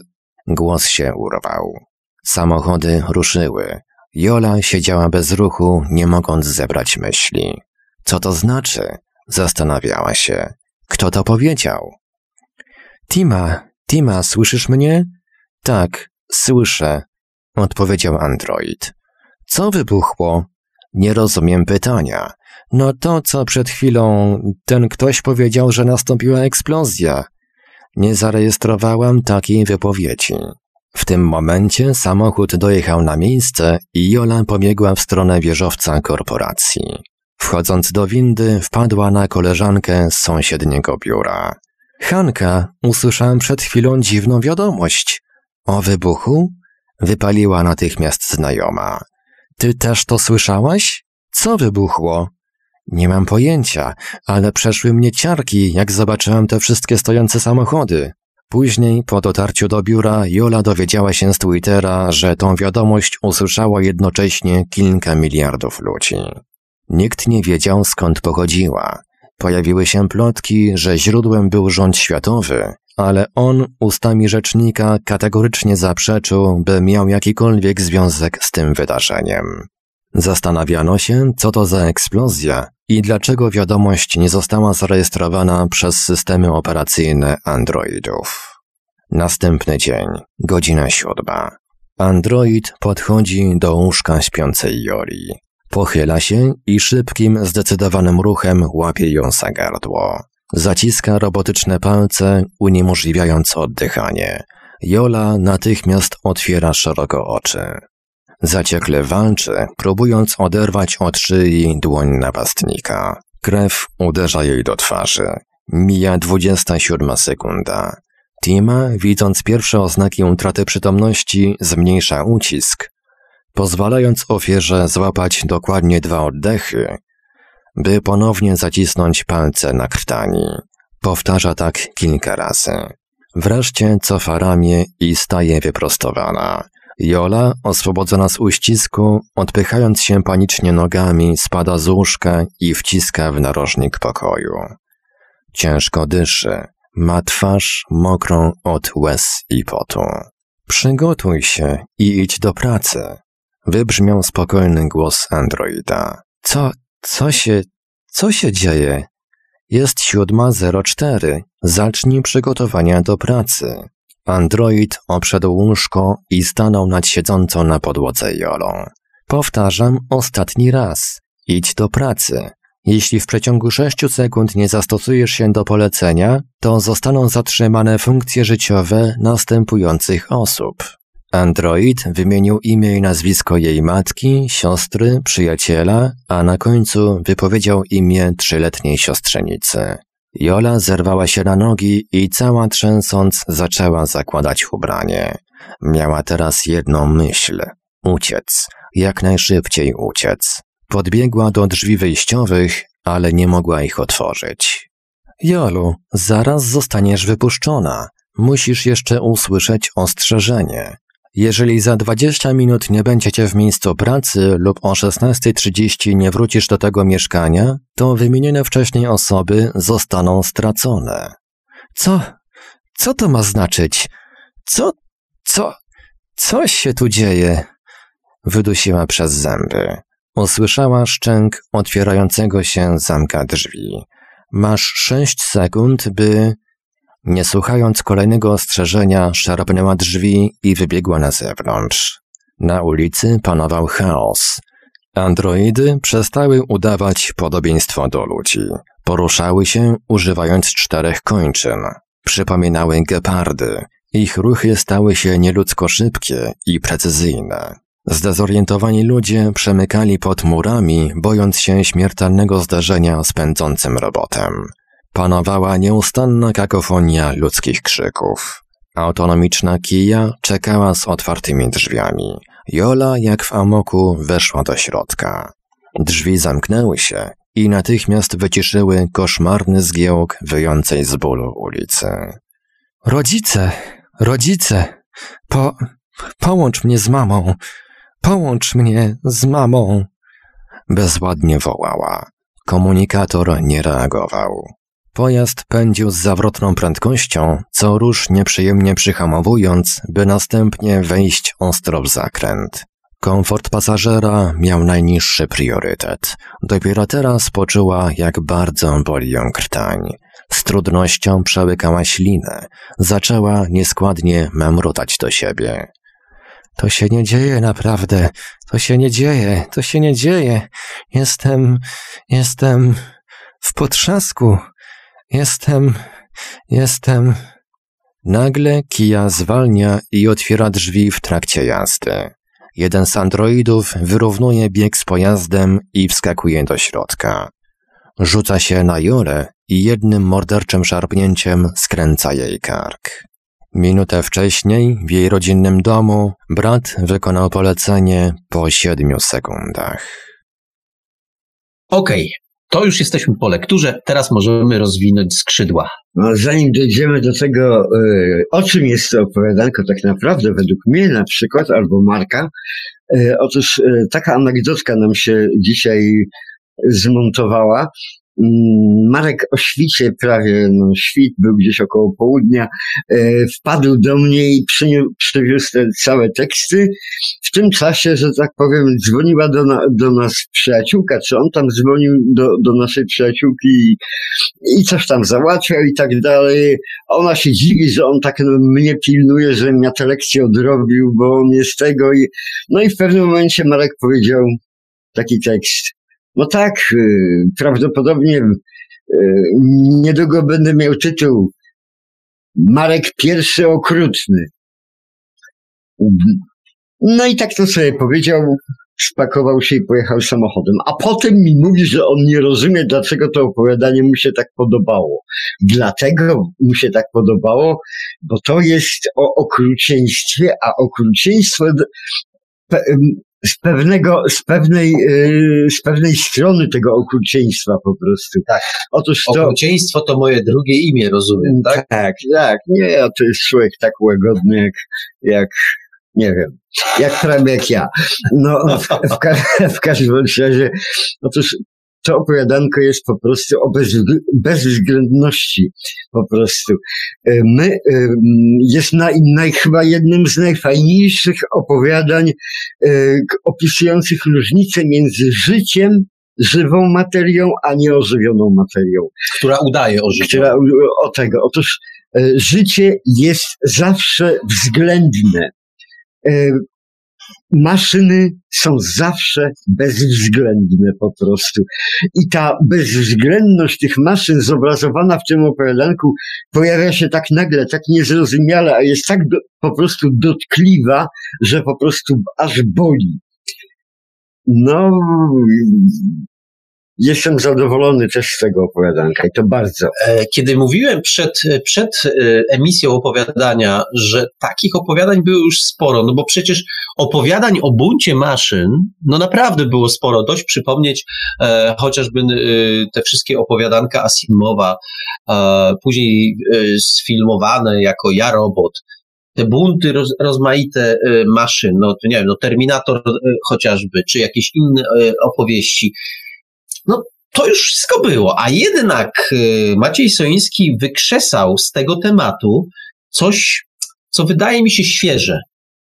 E, może to jest kwestia perspektywy, z jakiej on to pisze, może kwestia e, po prostu mm, doboru e, narracji, doboru akcji, która, która przedstawia sytuację.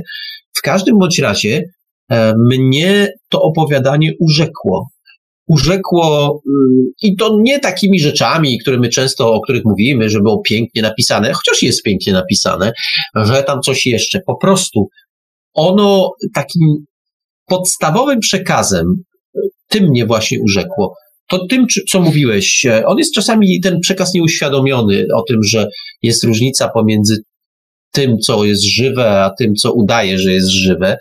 My na co dzień się nad tym nie zastanawiamy. To pamiętam, jak to mówiłeś, że przecież um, no, każda maszyna jest, jest toporna, jest, y, ona po prostu działa, nie zastanawia się nad tym, że działa po prostu wykonuje. No tak, maszynka do mięsa się obraca i po prostu mieli mięso. I ona nie ma żadnych nie dylematów ma żadnych moralnych. Dylematów tak. oczywiście. Jeżeli nawet wkręci komuś Sympatii, palec. antypatii, nie, po prostu. Jeżeli wkręci nawet komuś palec, to później zupełnie spokojnie nie ma problemów żadnych egzystencjalnych z tego powodu. Trochę mięsa więcej. Tak, więc No tak, ale y, y, i pytanie, czy gdyby ta maszynka nawet dostała sztuczną, sztuczną inteligencję, to również miałaby jakieś problemy? Nie sądzę, powiedziałbym, nie sądzę, ale no, no cóż, cóż tu wiele mówić. Y, to kolejne opowiadanie. E, nasi autorzy chyba się zorientowali, że my science fiction lubimy, bo coraz, bo to kolejne opowiadanie tak z takiego nurtu no, no jest sporo. Taki twardy science fiction. Jest sporo, ale zwróć uwagę na jedną rzecz, że, że pojawiają się tego typu opowiadania, ty mówisz, że były, że są, e, mm, tutaj nasz autor po prostu robi jeszcze jeden, jeszcze jeden zwód. I, a ja tak ci powiem coś takiego, to tak fajnie się słucha albo czyta. Czyta i słucha, bo to jest wszystko literatura, nie? Bo to jest literatura. Ale wyobraźmy sobie, że to się staje naprawdę. A to tak wiele wyobraźni wcale nie trzeba. No, po, w trakcie czytania tego opowiadania to rzeczywiście tak, to mniej więcej tak będzie wyglądało. Po prostu. Wiesz, tak jak, jak myśmy na przykład, wiesz, o, o tych, o, o tych takich wyzwolonych kobietach to mężczyźni pisali, pisali, tak mijały lata, lata, aż się doczekali. No i widzisz, o, to jest horror po prostu. no tak, tak. No cóż, to jeśli chodzi o tę część, o tę część e, typowo warsztatową, prezentację utworów, to jest na dzisiaj wszystko. E, tak jak powiedziałem, na dwa miesiące, e, na dwa miesiące zawieszamy, zawieszamy lekturę, lekturę opowiadań. Poczekamy, aż nam się troszeczkę jeszcze zbierze, e, bo, bo ostatnimi, ostatnimi czasy e, troszeczkę e, uporządkowaliśmy, uporządkowaliśmy nasze archiwum i doszliśmy do takiej normalnej sytuacji, gdzie nie mamy przeciążeń, nie mamy nawału, a czekają, czeka na przykład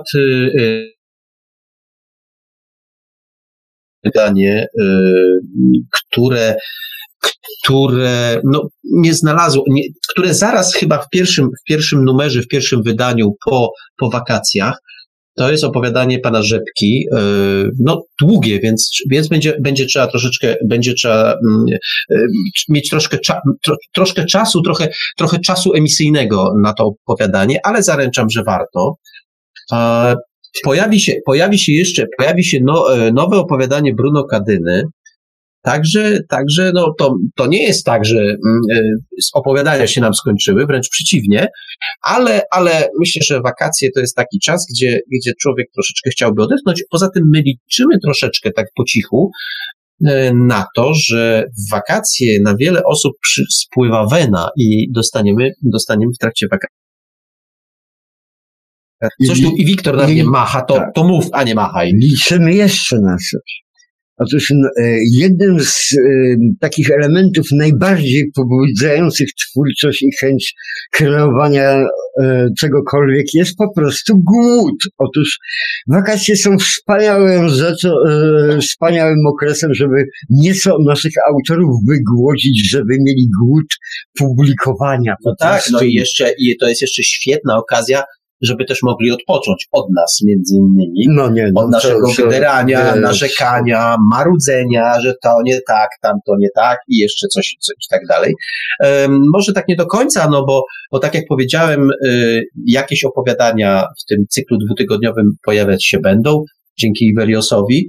Mm, y, będą czytane, może tam się od czasu do czasu odezwiemy, ale na krótko to już nie będą y, pełnowymiarowe audycje. Tak jak powiedziałem, pojawi się opowiadanie Appendix Solariana, pojawi się opowiadanie Sinbad na RQM, to jeśli chodzi o Wiktora, ja może też coś wyskrobię. I to będzie też dobra okazja, żeby ci nasi, nasi autorzy powiedzieli sobie, a jednak ten Żelkowski też popełnia błędy, albo nie podobało mi się, albo o Wiktorze na o, przykład. A ilu, ilu powie, o, a ja jestem lepszy. O, dokładnie. I świetnie. No to też bardzo dobrze, to bardzo dobrze wpływa człowiekowi na samoocenę, więc damy Państwu, da, damy Państwu między innymi taką właśnie, taką właśnie możliwość.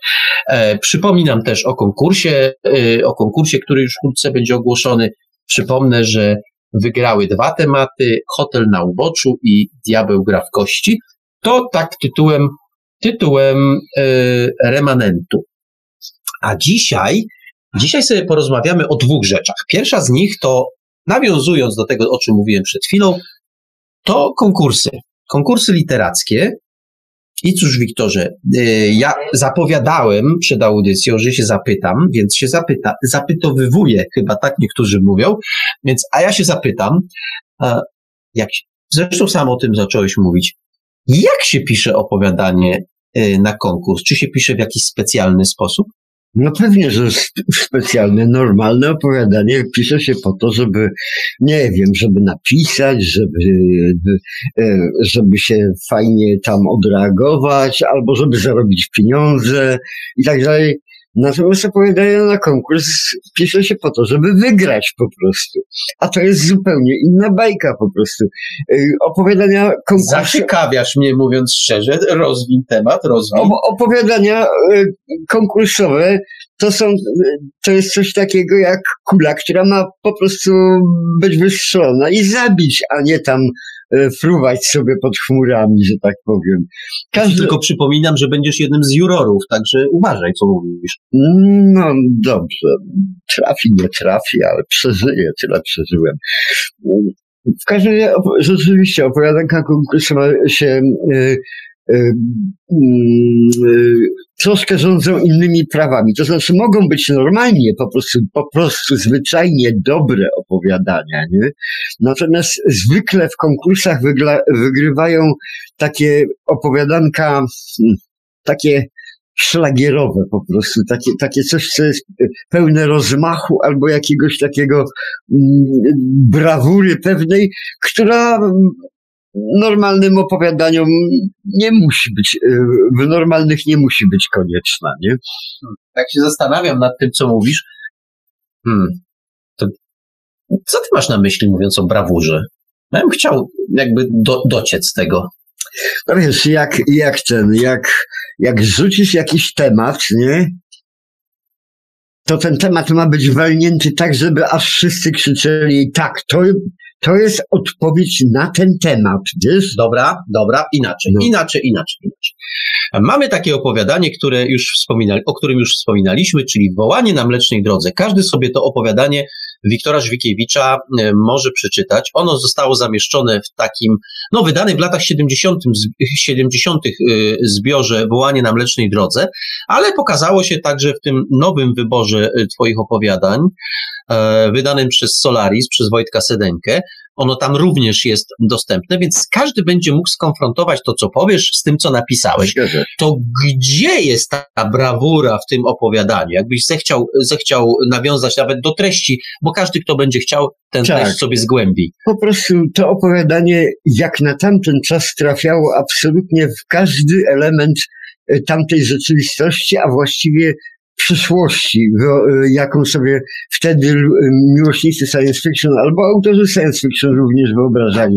Ona po prostu dotyka wszystkich możliwych punktów i dlatego jest, ma taki duży, miało wtedy taki duży kaliber po prostu to opowiadanie było po prostu na y, każdy, kto po prostu jakoś sobie wyobrażał przyszłość, mógł tam znaleźć odniesienie do czegokolwiek, do kwantów, do elektroniki, do kosmosu, do biologii, do, do etyki, moralności, do wszystkiego po no prostu. Tak, i no. pojawia się tam istota, która jest jakby taką, takim rodzajem trójcy, czy, czy dwójcy. No nie tyle trójcy, co, co raz, e, raczej wręcz y, dzisiejszego, dzisiejszej sieci po prostu, tylko że dla, tam to jest układ biologiczny, no tak, układ tak. sprzężonych umysłów po prostu całej ludzkości w jeden umysł, prawie, no, coś takiego. Takie coś się pojawiało wtedy, takie coś się pojawia dzisiaj w opowiadaniach i tak, prawdopodobnie takie sprzężenie będzie możliwe.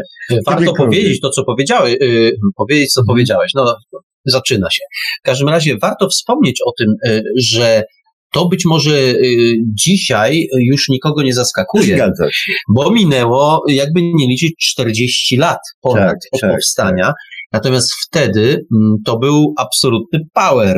Tak, tak, tak się nie wtedy... pisało wtedy po prostu. Nie. nie miało się takich pomysłów, było mało tego rodzaju pomysłów, bo przypomnę, że w tym samym konkursie, mm, w, który, y, w którym startowało wołanie na Mlecznej Drodze, były też opowiadania niezwykle proste, takie w stylu, w stylu tych opowieści z lat 50., gdzie mamy pomysł, mm, realizację. Mm, tak, tak, tak. To było, to, tam było, w tym tomie były zderzone opowiadania już jakby ze starych i z nowych czasów. To ty byłeś te, e, ta, wtedy ta, e, ta, ta elita, która, która gdzieś tam patrzyła bardzo, bardzo daleko w przyszłość i coś takiego zrobiłeś. Powtarzam, ono się, ono się e, pod tym względem zestarzało, że tak twoich naśladowców, czy może nie twoich, ale ludzi, którzy podobnie zaczęli, podobnie zaczęli myśleć, już potem było sporo. Więc dzisiaj trzeba mieć taki pomysł na taką miarę, popatrzeć gdzieś bardzo mocno do przodu i wówczas e, taki power się znajdzie. E, tam jeszcze, jeszcze był taki element, że mm, w tamtych czasach e, te opowiadania były czasami intelektualnie bardzo bystre, bardzo, bardzo fajne, natomiast artystycznie były wykonane, no, takie słowo zupełnie już prawie nieznane, na przykład moim dzieciom, zgrzebne lekko, nie? Czyli takie dosyć proste, dosyć tego. Naprawdę, jak na tamte czasy, ogromną malarskość po prostu. W tym opowiadaniu przypomnę sobie, e, że tak powiem, dwoma, trzema zdaniami. Jest po prostu jakiś rozbitek na jakiejś planecie, samotny zupełnie, który brnie przez całe, po całej planecie, idzie, wędruje i tam są jakieś ogromne czarne miasta. Czarne bloki domów, ogromnymi czarnymi murami otoczone, oto, otoczone. On wchodzi do tych miast, przechodzi przez te miasta i zauważa, że oni rozsypują w proch. One się po prostu tak jak sadza. Wiatr nad całą planetą wieje, one się wyciągają, te smugi tego pyłu, tej sadzy po prostu takiej czarnej. Tylko, że to jest bardzo dziwne, bo to jest kamień, ale to nie jest kamień. Kamień nie może się w taką sadzę roz, E, rozsypywać. Ale to wcale nie jest kamień. A czym jest ten e, kamień?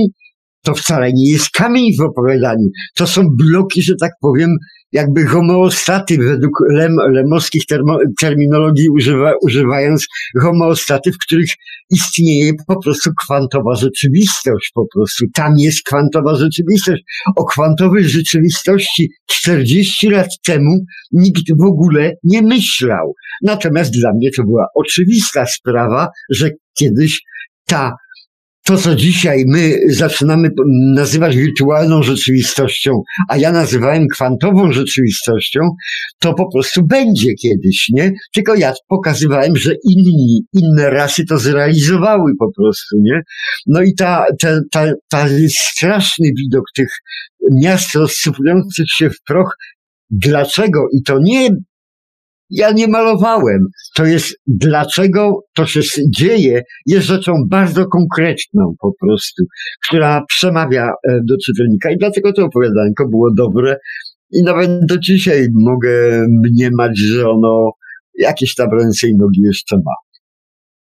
Miejmy nadzieję, że e, przynajmniej kilku, kilku naszych słuchaczy sięgnie po to opowiadanie, a ja tak Podpowiem, że warto. Podpowiem, że warto. Natomiast mówiąc o konkursie, warto jeszcze wspomnieć o kilku sprawach związanych z techniką pisania. Ale nie, nie będzie teraz rad, y, w jaki sposób pisać, tylko w jaki sposób y, czytać. Czytać regulamin y, konkursu, bo to jest dosyć ważne. Otóż w każdym regulaminie określony jest termin nadsyłania prac. I to Większość autorów interesuje najbardziej, nawet już y, teraz na Facebooku mieliśmy ileś tam zapytań, y, czy to otwartym tekstem, czy na priv, kiedy termin, do kiedy i tak dalej. To jest oczywiście ważne, bo tego terminu przekroczyć nie wolno, ale to chyba nie jest najistotniejsza informacja, którą z regulaminu należy wyczytać bo y, ponieważ y, termin nadsyłania prac na ogół jest kilkumiesięczny, no więc trudno się, trudno się nie zmieścić. No już trzeba, trzeba mieć naprawdę pecha, żeby, żeby się zagubić i nie, nie zdążyć nadesłać pracy. Natomiast to, co jest ważne, to na ogół wydawca y, określa długość opowiadania, maksymalną ilość znaków, które trzeba, y, trzeba y, które można, które można mm, zastosować. I to wcale nie oznacza, że koniecznie trzeba. Naprawdę y, nie bójcie się Państwo napisać opowiadania troszeczkę krótszego. To naprawdę o niczym, długość naprawdę o niczym nie decyduje. A skoro wydawca życzy sobie tekstów maksymalnie do takiej a takiej to objętości, to nie należy nadużywać jego cierpliwości i podsyłać mu na przykład czterech stron więcej, bo to po prostu nie mieści się w regulaminie i po prostu może zostać w sposób mechaniczny odrzucone. Szkoda, po prostu szkoda.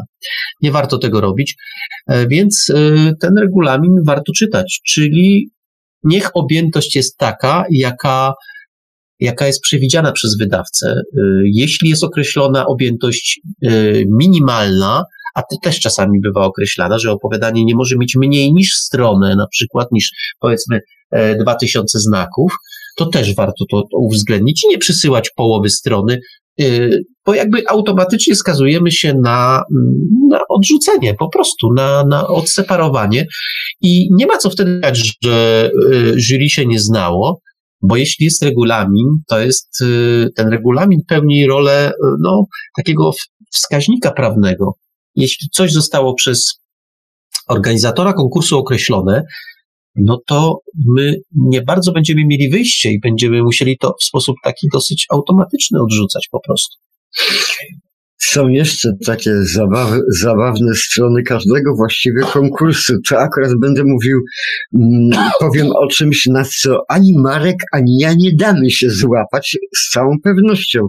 Nawet jeżeli, jeżeli będziemy uczestniczyli w jury. Otóż e, taki pe, pe, pewien szalony, że tak powiem, makiawelizm, który e, kokietowanie na przykład jury albo tego, który y, organizatora y, konkursu.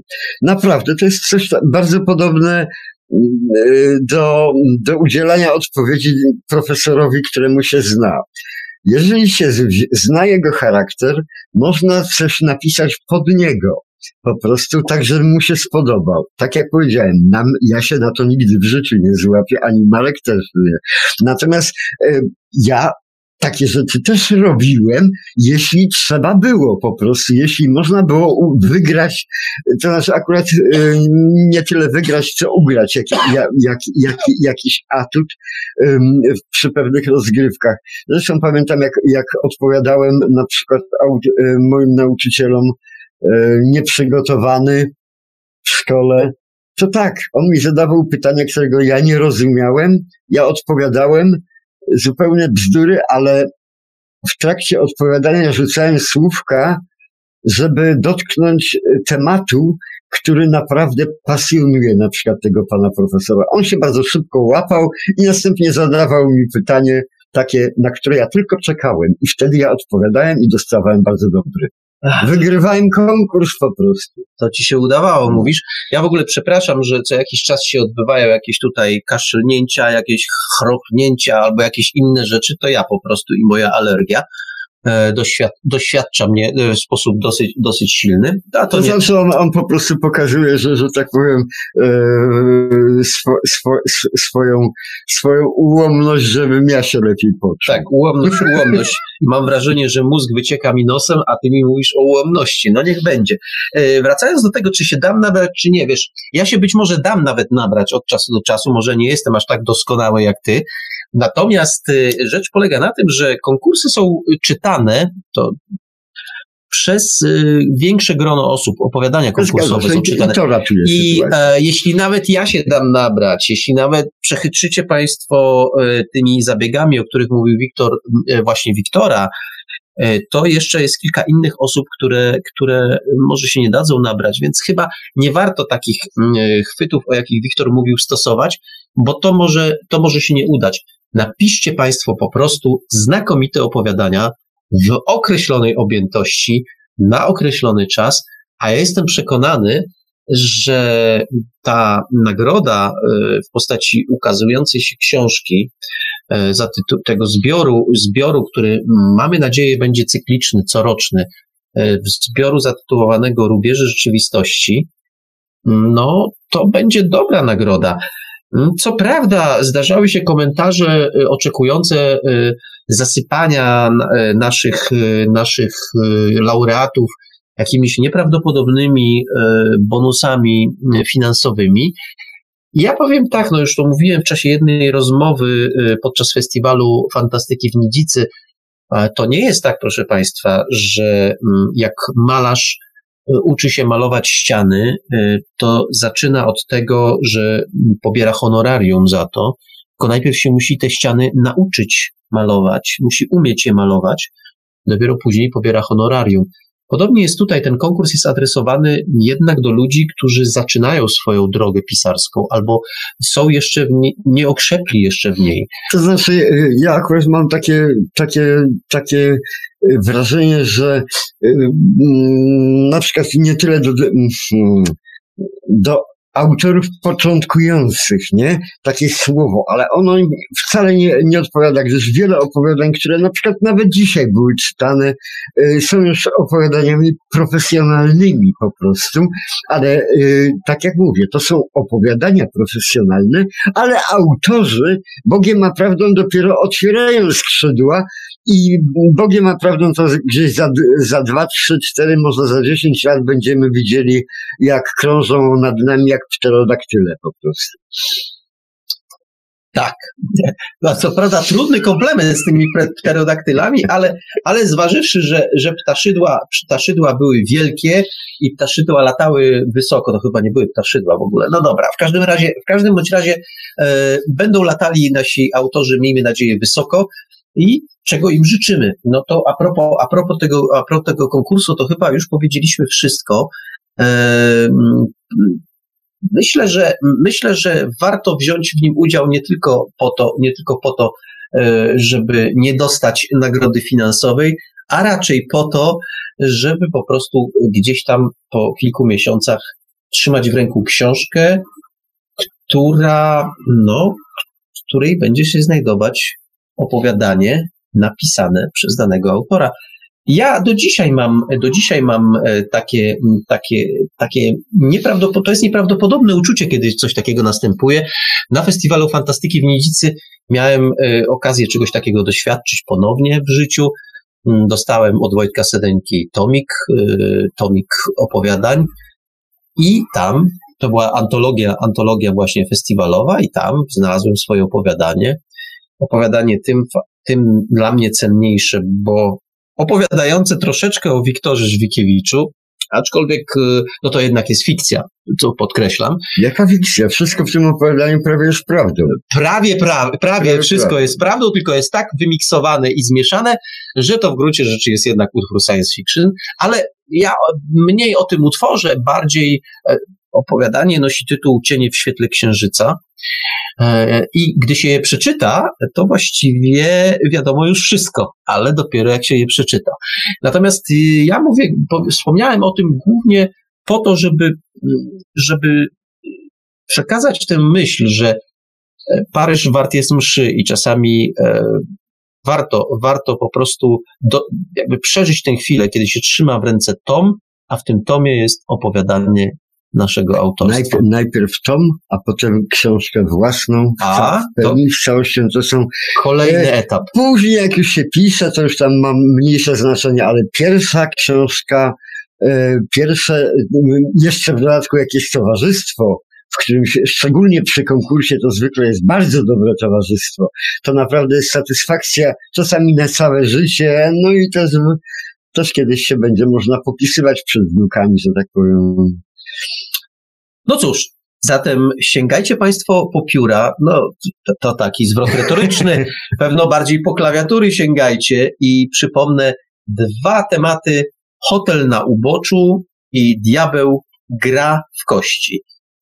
Te dwa tematy, konkurs jeszcze oficjalnie nie ogłoszony, a już pisać można tak naprawdę. To taki bonus dla, dla słuchaczy audycji, tak, tak mi się wydaje.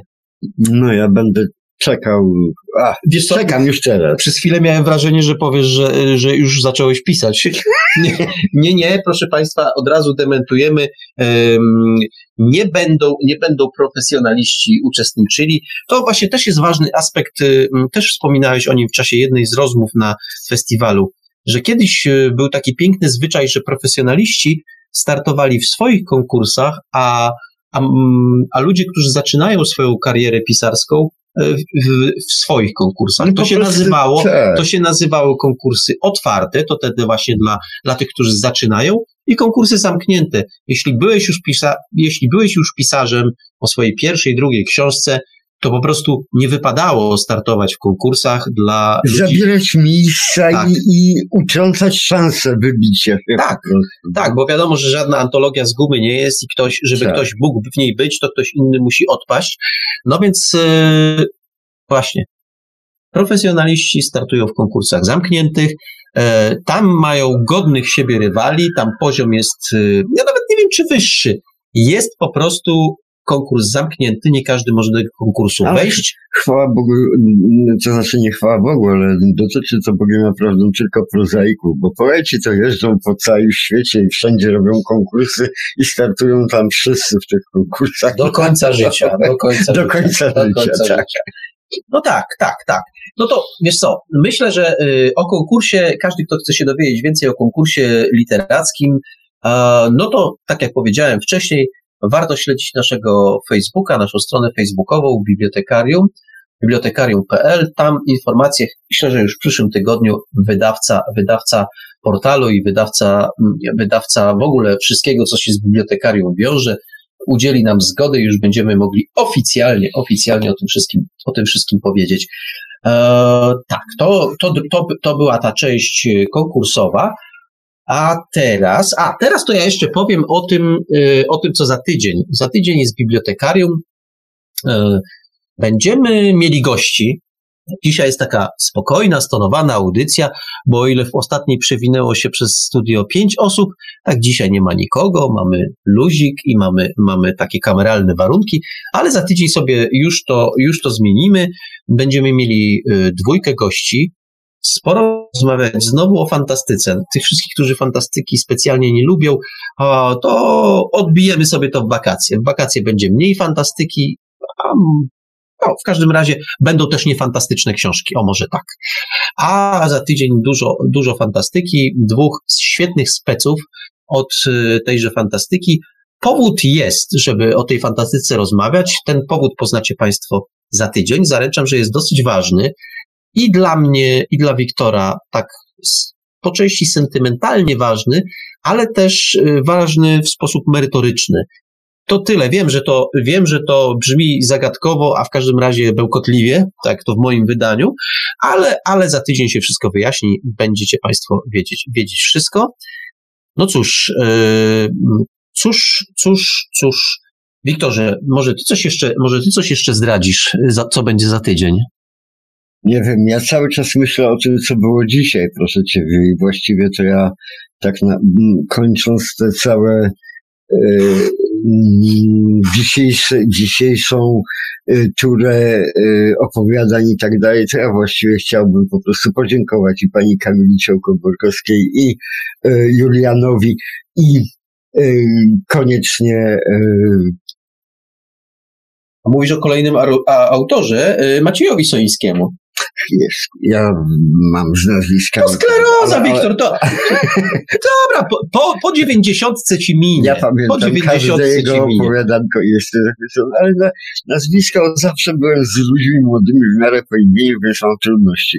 Natomiast po prostu tym naszym autorem dzisiaj to jestem bardzo, bardzo wdzięczny za, za te opowiadania. Hołk powiedziałem. Ha.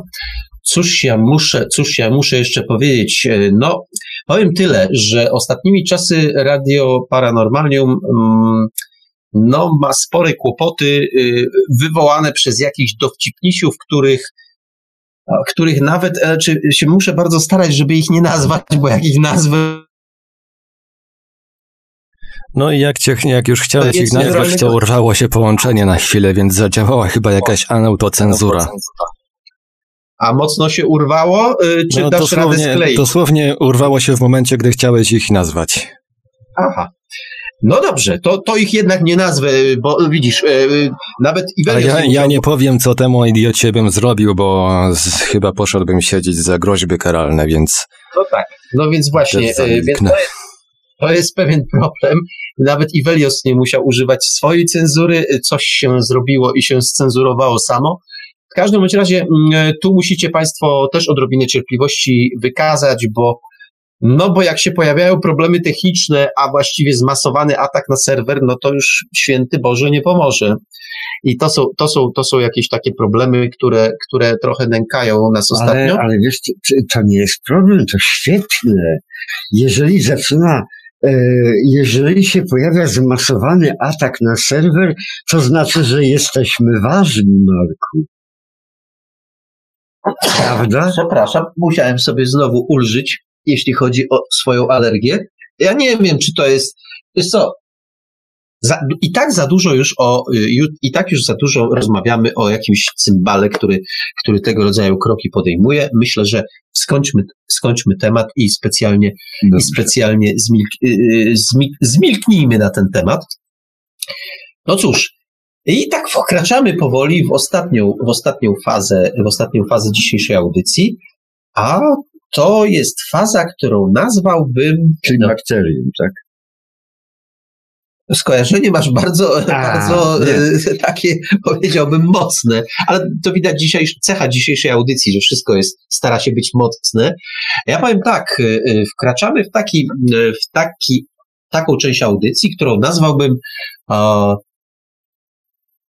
no właśnie nie wiem, jak ją nazwać. To ja powiem o co chodzi. Otóż yy, znalazłem ostatnio w antykwariacie, to o, o, dobrze, już mamy nazwę antykwaryczna. Znalazłem yy, taką książkę, yy, która zwróciła moją uwagę, nazywa się Sztuka Pisania. Ja jak coś takiego widzę y, w antykwariacie, no to natychmiast sięgam sięgam i przeglądam. I powiem Ci, że ta książka, bo ja już takich poradników różnego rodzaju dotyczących y, jak pisać, e, jak napisać świetną powieść, no zresztą Państwo wiecie, e, często cy cytuję w czasie naszych audycji różnego rodzaju takie poradniki, Natomiast ta książka, Sztuka Pisania, E, to jest książka niezwykła. Została wydana w Polsce w 1996 roku przez wydawnictwo, które się nazywa Galaktyka. Nazywało Galaktyka, bo ja mam wrażenie, że to jest inna galaktyka niż ta, która funkcjonuje obecnie, ale tego nie wiem, w związku z czym się nie będę wymądrzał. A któż jest autorem tej sztuki pisania? Otóż autorów jest y, kilkudziesięciu. Tak, nie przesadzam, kilkudziesięciu. E, właściwie to są autorzy z całej historii, e, z całej historii literatury, e, no może nie, to przesadzam, dwudziestowieczni autorzy, którzy pisali w Stanach Zjednoczonych w latach dwudziestych, trzydziestych, czterdziestych i tak dojdziemy do lat dziewięćdziesiątych. A nazwiska, które się pojawiają, no to wymienię tylko kilka, bo jest ich tu kilkadziesiąt. Orson Scott Card, Carl Johnson, Stephen King, e, Clive e, Baker, no któż jeszcze, Ben Bowa, tak szukam, szukam, przeglądam. Weź z okładki pier z pierwszej a, no, a, no z okładki to w ogóle to są tuzy, bo Ernest Hemingway, John Steinbeck, Kurt Vonnegut. No proszę. No proszę, to już w ogóle pierwsza, pierwsza liga. A, oni wszyscy yy, pisz, piszą, no niespecjalnie do tej książki, to są yy, wyjęte z różnych, z różnych ich książek i z różnych ich artykułów fragmenty, które mówią o tym, jak zostać pisarzem, jak zacząć pisać. A przyznam, że lektura była fascynująca. E, wszyscy, którzy to, to była, to była książka wydana w niewielkim nakładzie, więc dzisiaj jest swoistym rarytasem i cieszę się, że to ja ten rarytas upolowałem ale postanowiłem e, podzielić się z Państwem kilkoma co ciekawszymi, co ciekawszymi uwagami dotyczącymi, dotyczącymi pisania. Otóż e, na przykład zacytujmy Woody Allena, co on na temat pisania e, mówi. W dzisiejszych czasach zmieniła się sceneria komedii.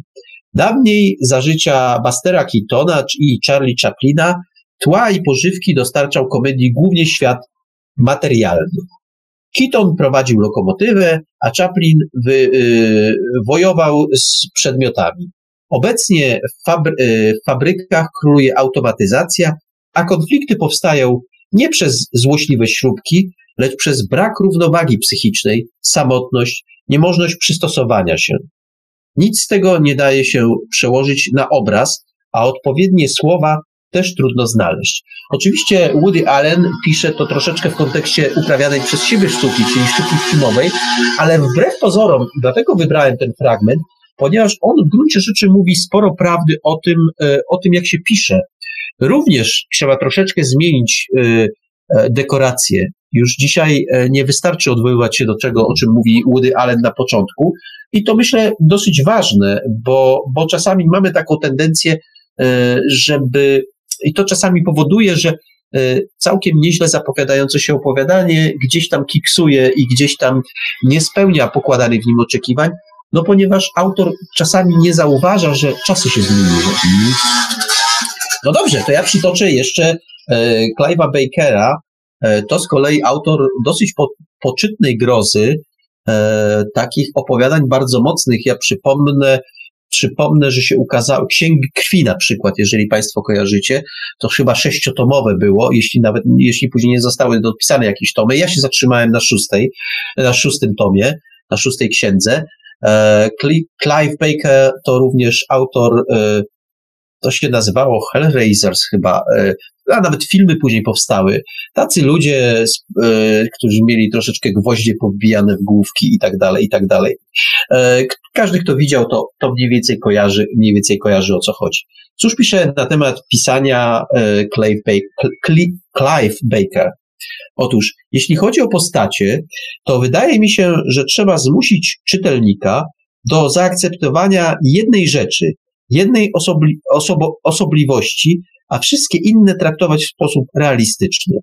Staram się nie kłamać w sprawach psychologii. Nie sądzę, żeby moje pisarstwo było ckliwe czy sentymentalne. W perspektywie wykrzywia, wykrzywiającej jedną rzecz staram się być emocjonalnie uczciwy. Tak więc y, osobliwy jest fakt, że pod y, dywanem ukrywa się, y, ukrywa się światła magii, ale reakcje postaci ludzkich na ten stworzony przeze mnie świat muszą być emocjonalnie prawdziwe.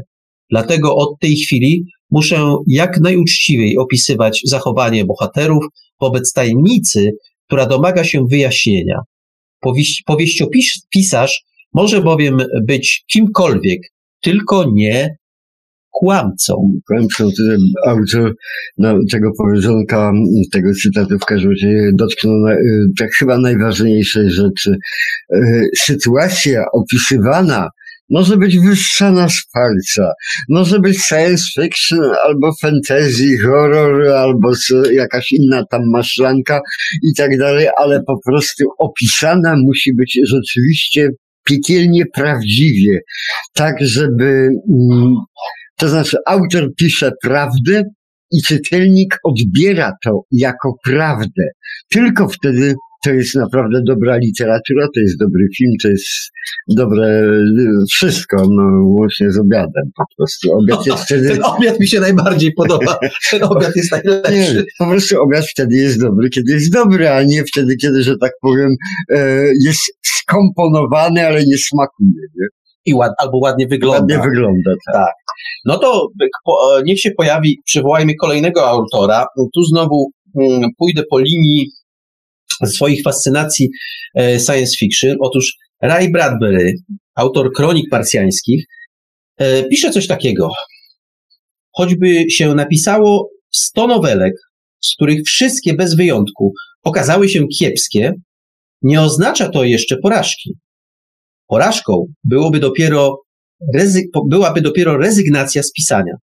Napisałem około 2000 krótkich opowiadań, z czego opublikowałem chyba nie więcej niż 300. I mam wrażenie, że ciągle się uczę. Każdy człowiek, który wytrwale pracuje, ma przed sobą szansę. Nie zostanie może wielkim pisarzem, ale jeżeli będzie pielęgnował staromodne cnoty, pracowitości i wytrwałości, to niewątpliwie odniesie pewien sukces. A widzisz, to tutaj następny autor dotyka też y, istoty rzeczy. Pracowitość i wytrwałość. Nie ma, nie ma pisarza, który, który, który, nie wiem, nadmucha balonik, opowiadanka i ten, ten balonik będzie fruwał i fruwał aż do Marsa. Tu niestety trzeba piłować, piłować, piłować, potem zmęczyć sobie, palce upiłować w trakcie tego piłowania i tak dalej, oddać to to inni będą zachwyceni. Jak autor będzie zachwycony, to jest, to jest ćwierć drogi do nieba. No. Tak.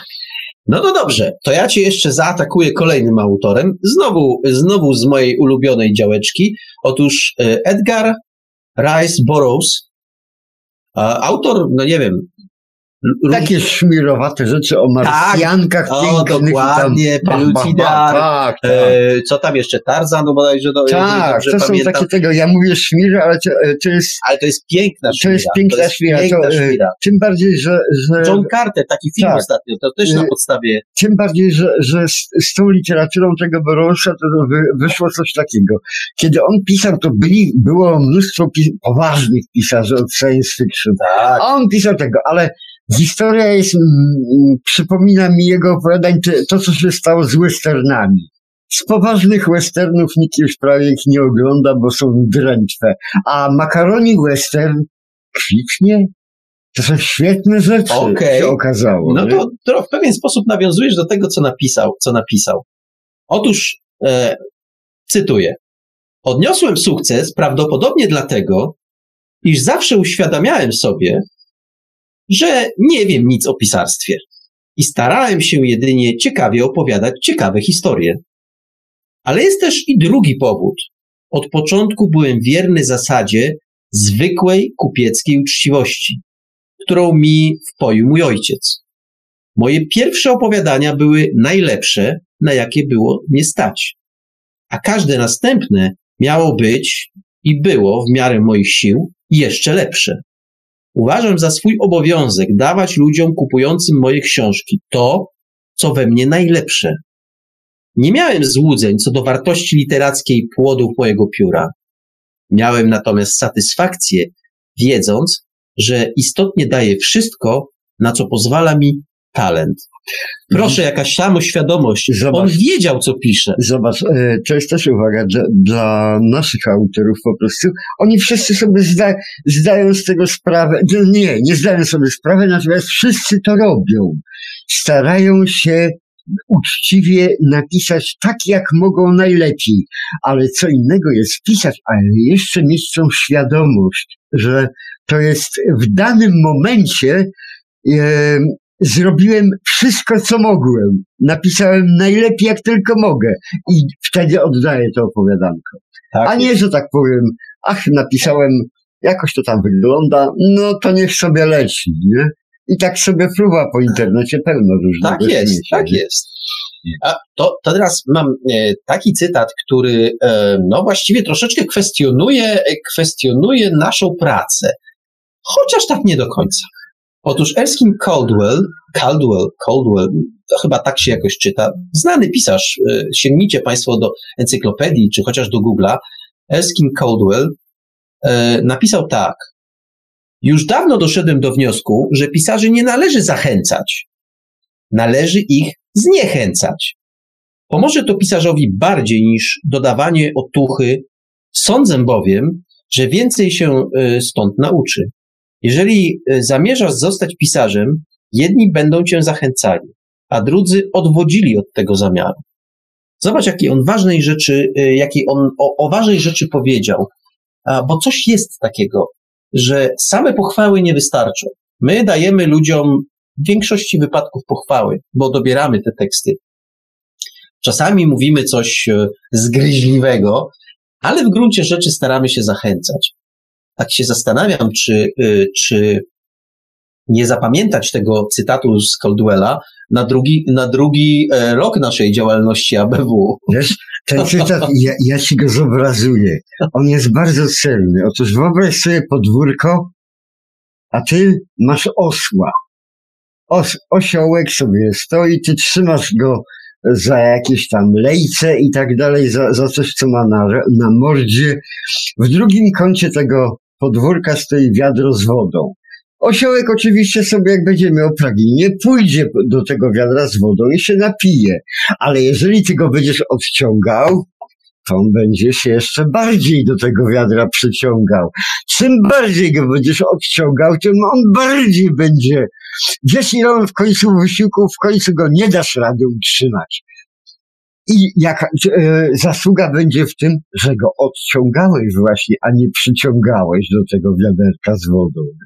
A, no ja nie wiem, jak będą te audycje w przyszłym roku, um, nie wiem, to szkolnym czy wydawniczym e, wyglądały. Ale dobra, to jak już lecimy cytat po cytacie, to teraz e, ktoś, kto też e, podobnie jak Burroughs e, pisał prozę bardzo popularną, Tom Clancy.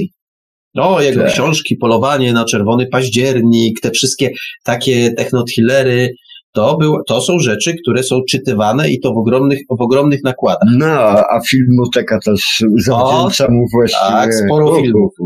No cóż, cóż, cóż on takiego napisał?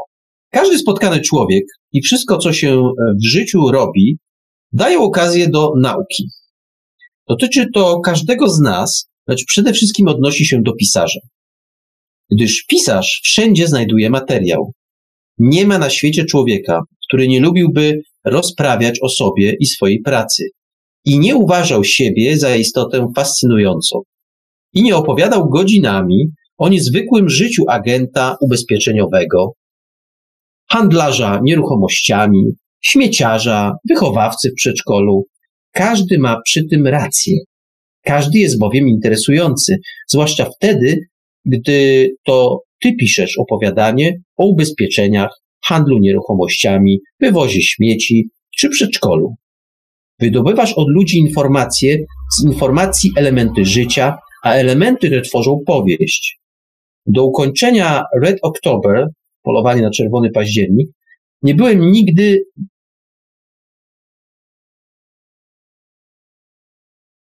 którzy albo tam byli, albo pracowali. Proszę, w krótkich żołnierskich słowach chciałoby się powiedzieć, oddał istotę tego, jak należy zbierać materiał do swoich utworów. Tylko Marek, nie wiem, albo jesteś jakoś wybiórczy w tych cytatach, bo ci wszyscy pisarze się wypowiadają, albo oni tak wypowiadają się o pracy, wytrwałości, o nauce, o wiarygodności, a nikt jakoś nie mówi talent miałem, polot miałem, nie, wiesz, nie, nie, nie, nie. Ja myślę, ja myślę, że oni po prostu są realistami. To są po prostu realiści. Oni, gdyby liczyli tylko i wyłącznie na wenę i talent, to by umarli z głodu. Można na to liczyć, warto to mieć, ale warto też ciężko pracować. No to jeśli to mówimy o zawodowcach. No to kolejny zawodowiec, też od prozy popularnej, bo taką starałem się dzisiaj dobierać. Clive Kassler, to się chyba tak czyta, autor absolutnych bestsellerów, e, dziesiątki książek facet napisał, teraz już pisuje z innymi autorami, bo już po prostu człowiek starszy i, i może nie nadąża, ale tych książek są dziesiątki i większość z nich czyta się z zapartym tchem. Cóż takiego powiedział? Ktoś, kto dopiero startuje, może zaoszczędzić mnóstwo czasu, naśladując wartościowych pisarzy. Nie chodzi o to, żeby kraść im pomysły. Podpatruje się i kradnie ich styl, sposób w jaki konstruują swoje książki. Jeśli piszesz powieść przygodową, przyjrzyj się, jak to robi powiedzmy Alistair MacLean. Jak szybko rozwija się wątek, jak kończą się rozdziały. Przypomina to piłkę nożną. Kiedy drużyna wraca na początku sezonu, trener nie patrzy, kto jest gwiazdą, a kto nie.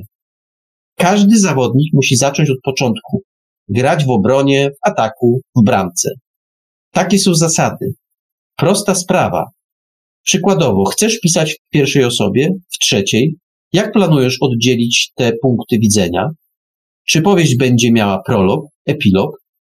Jak będziesz podchodził do rozdziału, przechodził z rozdziału do rozdziału? Czym będzie się zaczynał każdy kolejny rozdział? W jaki sposób powiążesz rozdziały? Zobacz. Mnie się bardzo podobają te, e, podoba, pod, podobają te rady Kasslera, ponieważ on sprowadza wszystko do technicznej, technicznej wydolności.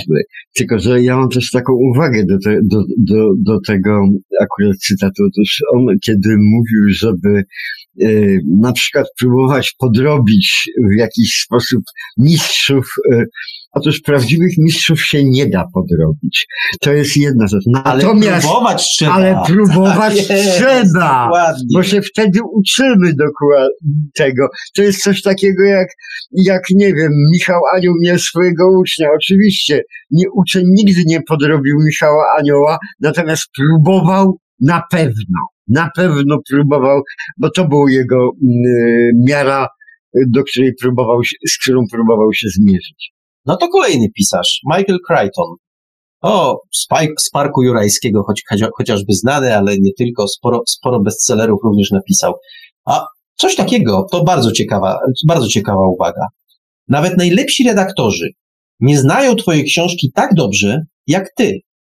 To też stosowanie się do ich rad nie zawsze wychodzi książce na zdrowie. Na tym, jak sądzę, polega problem, gdy pisarz dokonuje proponowanych przez redaktora zmian. Redaktor zaś nadal się krzywi. W większości przypadków pisarz powinien obwiniać wtedy siebie, a nie redaktora. Wyrzekł się bowiem własnej autorskiej odpowiedzialności. To jest cytat, który troszeczkę mm, będzie obosieczny, bo z jednej strony uderza w redaktorów, którzy są niezbędni w pisaniu, ale z drugiej strony, e, ja myślę, że znacznie ważniejsze w tym, e, w tym cytacie jest to, że, e, że Crichton mówi o tym, że powinniśmy być pewni tego, co robimy. Tylko wtedy będziemy partnerem dla redaktora będziemy pr mogli próbować obronić swoje, swoje, swoje zdanie. Bo ja zwrócę tylko uwagę, że Crichton y, działa już na innym poziomie. On nie mówi o kłótniach y, z, z redaktorem dotyczących tego, czy dane zdanie jest dobrze napisane, albo czy nie podzielić go na dwa mniej złożone. On raczej kłóci się, y, bo z redaktorem można się kłócić o te sprawy, które, które wymieniłem przed chwilą, ale można również o pewne konstrukcyjne sprawy. I to raczej to ma na myśli y, nasz, y, nasz autor, bo to są, to są właśnie często, y, to są bardzo często mm, spory, które rzeczywiście mogą wyjść na, na niekorzyść danemu utworowi, bo autor ma pewną kompozycję w głowie, w głowie, miejmy nadzieję przynajmniej, że ją ma. Jeśli ją ma, to powinien jej bronić. Natomiast jeśli ma świadomość, że napisał i tak mu jakoś wyszło, no to wtedy może lepiej poddać się y, temu, temu, temu przewodnictwu redaktora. No ale ta uwaga również e, dosyć dotkliwie uderza, szczególnie we współczesnych niektórych, wielu, wielu redaktorów. Otóż redaktor również powinien przede wszystkim szanować autora, e, bezwzględnie e, starać się na maksa zrozumieć intencję autora. Jeśli proponuje autorowi według własnego widzimisię cokolwiek, to takiego e, za przeproszeniem redaktora należy spuścić razem z, wo- z tym tam. No, z wodą. Z wodą. Z no. wodą. Tak, tak. No wiesz, e, ja myślę, ja myślę, że warto, warto sobie wziąć do serca tę uwagę Crichtona, ale brać ją właśnie w tym kontekście. Nie chodzi o, o, to pod, o tę podstawę, tylko raczej już o zaawansowane dyskusje, dyskusje z redaktorem. A teraz mam, e, mam pisarza mniej popularnego, znanego z takich abstrakcyjnych, e, abstrakcyjnych, takich trochę nonsensownych opowiadanek, e, między innymi oczywiście Roald Dahl, Dachl pisane.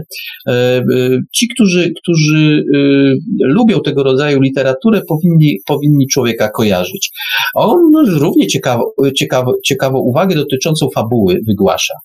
Dla mnie najważniejszą i zarazem najtrudniejszą sprawą przy pisaniu powieści jest wymyślenie fabuły. Dobra, oryginalna fabuła rzadko przychodzi do głowy. Nigdy nie wiesz, kiedy błyśnie znakomity pomysł, ale gdy taka chwila nastąpi, łapiesz go obiema rękami i trzymasz z całej siły. Sekret polega na tym, żeby zapisać pomysł od razu, inaczej się zapomina. Dobra fabuła jest podobna do snu.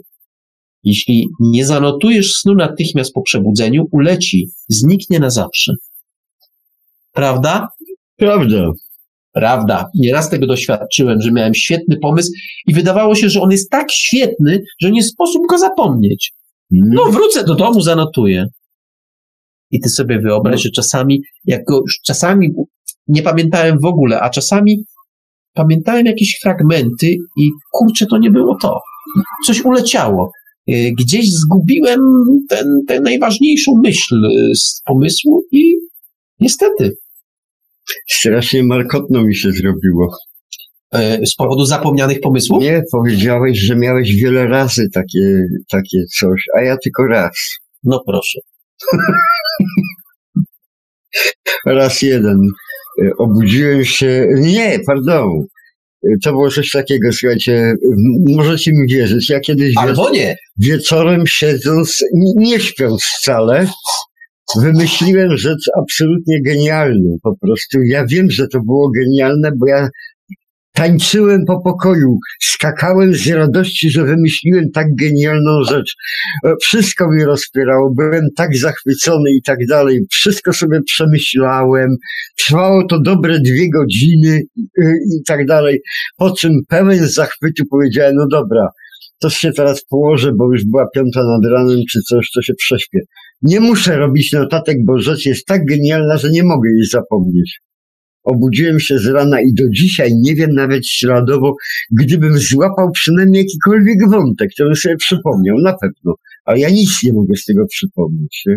No, ale to nie był sen, to było na jawie.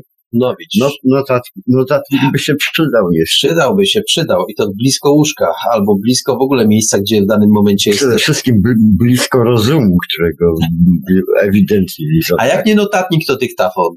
E, ja przypomnę tylko, że każdy z nas właściwie dyktafon w tej chwili ma, bo każdy ma telefon komórkowy. W większości telefonów komórkowych są dyktafony.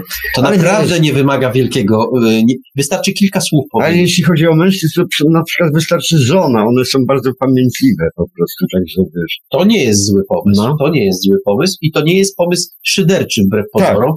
Tak. To naprawdę jest tak, że, że czasami warto się odwołać do swojej żony, kochanki, czy kogoś, płci, płci przeciwnej. I rzeczywiście jest tak, że czasami, czasami ta osoba pamięta lepiej od nas, e, co, co mieliśmy na myśli. Ja przyznam się, że korzysta, mhm. korzystałem pod tym, pod tym względem e, kobiety są rzeczywiście niezawodne. Następny autor, Harlan Ellison, to właściwie mistrz science fiction. Niedawno zresztą się ukazały na rynku, ukazały się, ukazał się pierwszy tom E, opowiadań, takiego zbioru dużego, takiej, takiej, takiej gigantycznego dzieła, w którym najlepsze opowiadania, opowiadania Ellisona się znajdują. Polecam, polecam bardzo serdecznie. Y, cóż mówi Ellison? Nie wystarczy kochać literaturę, żeby obrać zawód pisarza. Jest to zawód z gruntu niebezpieczny. Poświęcenie życiu, poświęcenie życia pisarstwu wiąże się, moim zdaniem, z ogromnym ryzykiem osobistym. Wymaga odwagi, poznawania siebie, oznacza wieczne balansowanie na linie na, e, z pełną świadomością, że każdy krok grozi odkryciem prawdy o sobie, która może być nie do zniesienia. Szczególnie dla partnera. Na przykład, na przykład. No, powiem, że to nie jest, nie zabrzmiało optymistycznie i jak my czasami opowiadamy, że e, opowiadamy o tym, że ciężka jest dola pisarza, to wszyscy tam przed, takie mam wrażenie, że wszyscy nasi słuchacze pukają się w czoło, a część też się śmieje z nas po prostu, że my opowiadamy takie kocopały, bo wypada. No to proszę, proszę, tu y, znany, uznany pisarz mówi rzecz bardzo podobną. To dorzucę jeszcze y, pisarza Alana Ginsberga, y, pisarza, poetę. Koncentruj się na tym, co chciałbyś powiedzieć so, y, sobie i swoim przyjaciołom. Idź za własnym wewnętrznym światłem. Nie wstydź się szaleństwa. Mówisz, co chcesz, wtedy, kiedy dbasz o to, kto słucha. Jeśli pragniesz wydobyć głos, jeżeli z całych sił starasz się przemówić, to pamiętaj, że jest to tylko sprawa posłuchania siebie. Jak brzmi Twój głos, kiedy mówisz o czymś, co ma dla ciebie żywotne znaczenie. No właśnie. Tu dla mnie jest, ta uwaga jest o tyle cenna, dlatego ją, dlatego ją wybrałem, ponieważ mówi o sali opowieści o pierdołach. To tak to ujmę w krótkich żołnierskich słowach. Jeżeli nie mamy przekonania, że piszemy o czymś ważnym, o jakimś ważnym problemie, to nie piszmy. Nie piszmy po to, żeby się spodobało Żelkowskiemu i Żwikiewiczowi. Nie piszmy po to, tylko i wyłącznie po to, żeby, y, żeby ktoś był zadowolony. Piszmy również dlatego, ale przede wszystkim miejmy coś do powiedzenia. To jest już, e, jak, jak żeś to wyobraziłem tego Einsteina, który wykłada gdzieś tam matematykę, przed nim siedzą dzieci, takie studenckie, a on pisze na tablicy 2 plus 2 równa się 4.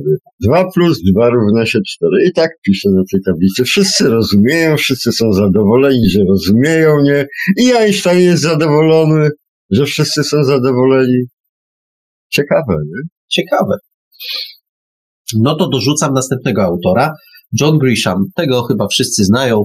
E, firma, z którą wystartował, a później kolejne, kolejne tomy, dużo, dużo prawniczych opowieści. Cóż pisze Grisham? Nie miałem czasu na pisanie. Zupełnie nie miałem.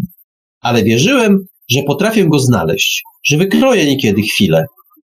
Tylko, że muszę się tego nauczyć. Powoli, bardzo powoli. Wcale mi się jednak nie spieszyło. O dwóch ważnych rzeczach już wiedziałem. Po pierwsze, że pośpiech jest niewskazany. Po drugie, że aby dojść do końca powieści, trzeba napisać co dzień choćby parę zdań. Ja wyznaczyłem sobie stronę dziennie.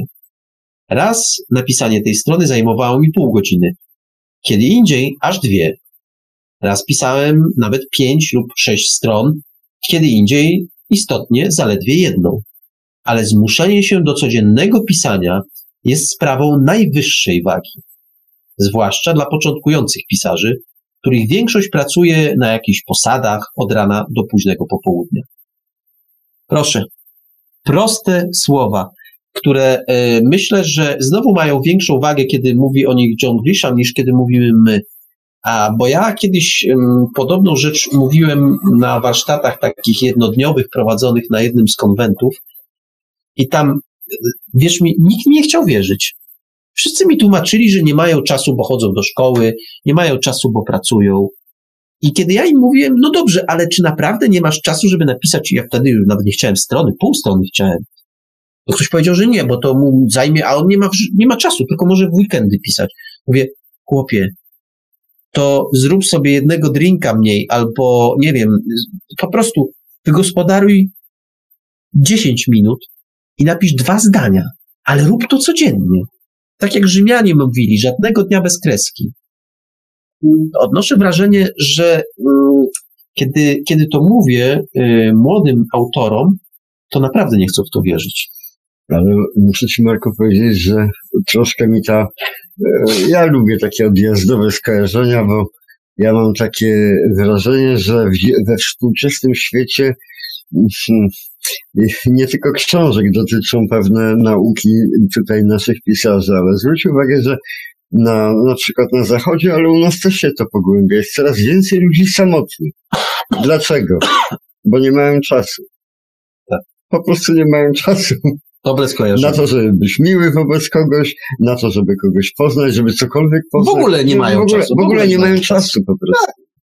Warto, warto sobie to chyba rozważyć.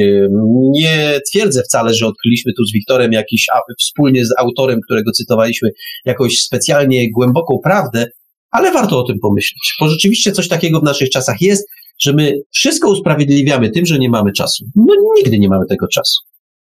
Dobra. Teraz mistrz Stephen King, król, król literatury popularnej. Chyba nie tylko, bo ostatnio czytałem kilka jego, kilka jego opowiadanek i muszę powiedzieć, że e, bardzo poruszyła mnie ich literackość. To już to już nie jest, to już nie jest facet, który pisał horrory, bo tak go często kojarzą ludzie. To jest pisarz pełną gębą. Jestem o tym głęboko przekonany. Cóż mówi, cóż pisze King? Każda dobra rzecz, jaką kiedykolwiek napisałem, zawsze wydawała mi się znalezis znaleziskiem archeologicznym. Uważam się nie tyle za beletrystę czy twórczego pisarza, ile za archeologa, który Wydziera ziemi różne przedmioty, oczyszcza je pędzlem i przygląda się wrytym na nich obrazkom. Czasem wykopuje się niewielki garnuszek i jest to krótkie opowiadanie. Większy garnek to opowiadanie długie. A gdy z ziemi wyłania się budowla, przypomina powieść. Kiedy czuję się jak twórca, piszę zwykle źle. To a propos, a propos tego, tej naszej dyskusji Mhm. ostatniej, kiedy mówiliśmy o pisaniu arcydzieł, to bardzo blisko jest King tego. A jeszcze skończę, co, co mówi. Przedmiot jest mój, dla mnie i nigdy nie wydobywam go w całości. Cała sztuka i zabawa i radość polegają na tym, by zobaczyć, ile uda się wygrzebać. Na ogół bywa to dosyć spora część. Proszę, e, King tu nawet jest mistrzem. Kiedy pisze o tym, to bardzo łatwo e, pobudza wyobraźnię. Zobacz, jak on pisze o tym, jak się pisze. To No. dla mnie, dla mnie, wiesz co, nawet wstydzę się tego, wstydzę się to komentować, bo myślę, że nasi, nasi słuchacze doskonale łapią, o co w tym wszystkim chodzi. Ale ja troszkę, troszkę posłużę się ironią, którą tutaj po, polecałem naszej autorce.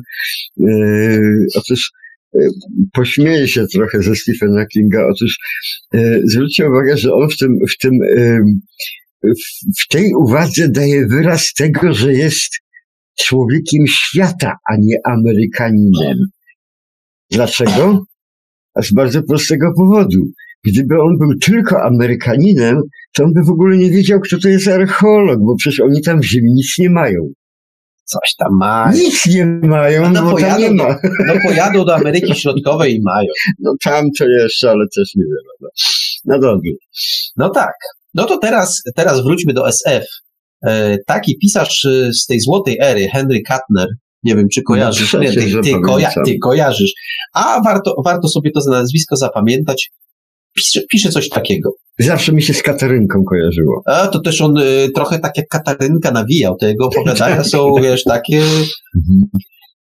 W powieści fantastyczno-naukowej należy zachować równowagę pomiędzy wiedzą, czy pseudowiedzą, a żywą, ciekawą akcją. Formułki i niezrozumiały żargon nie zachęcą do czytania, a wręcz przeciwnie. Najważniejsze, żeby autor takich powieści stał mocno obiema nogami na ziemi i pamiętał, że pisze o istotach ludzkich, o mężczyznach i kobietach, którzy czy to na Marsie, czy w czwartym wymiarze będą postępowali właściwie jak mężczyźni i kobiety, mieli swoje kłopoty, pragnienia, motywy, podobne do dzisiejszych. Kłania się stary problem charakterystyki postaci. W żadnym innym rodzaju literackim charakterystyka postaci nie jest tak ważna jak tutaj. No proszę. Y, Tu nawet ja nie wiem, czy jest sens cokolwiek na ten temat mówić. To prosta, prosta rada starego mistrza. Coś powiesz, mistrzu? Wiem, wiem, Wiktor macha mi tutaj, że już by zapalił, ale jeszcze chwilka. Jeszcze kilka cytatów zostało, więc... więc Opaleniu jak będzie, to chętnie. Opaleniu nie. Przecież to wspomaga twórczość. Ja bym napisał tak pie- piękne, Wiktor, piękne zdania, które w tej książce powinny być, jak to nie ma sprawy. Ja powiem tak. Na audycję powakacyjną możesz stworzyć kilka cytatów, które, e, które z dziką rozkoszą przeczytam jako, doda- jako, jako e, postscriptum do, dziś, do dzisiejszej audycji. I tam możesz sobie cytować cokolwiek ci się podoba, nawet Dobrze, o paleniu. dobrze, dobrze. No to weźmy na tapetę kolejnego pisarza, który, który tworzy literaturę, tworzy literaturę popularną, Robert Flandland. O, ja pamiętam jaki szał był zaraz jak się po 89 roku, kiedy zaczęto wydawać dzieła wszystkie Landlama, no śmieje się dzieła wszystkie, no bo, bo to, no, no wszystkie tak, ale dzieła to może niekoniecznie. W każdym razie fajna literatura, dobrze się to czyta. E, cóż pisze Landlam? Zaczynam od rzeczy, która mnie oburza, która wzbudza we mnie piekielną złość. Myślę, że dobra powieść powstaje właśnie ze złości. Szukam czegoś, co miałoby realne podstawy. Szperam w najnowszej historii, usiłując znaleźć zdarzenie, sytuację, które aczkolwiek oficjalnie wyjaśnione, dałoby się wyjaśnić inaczej. Proszę. Ja jestem e, wielkim zwolennikiem takiego podejścia do pisania.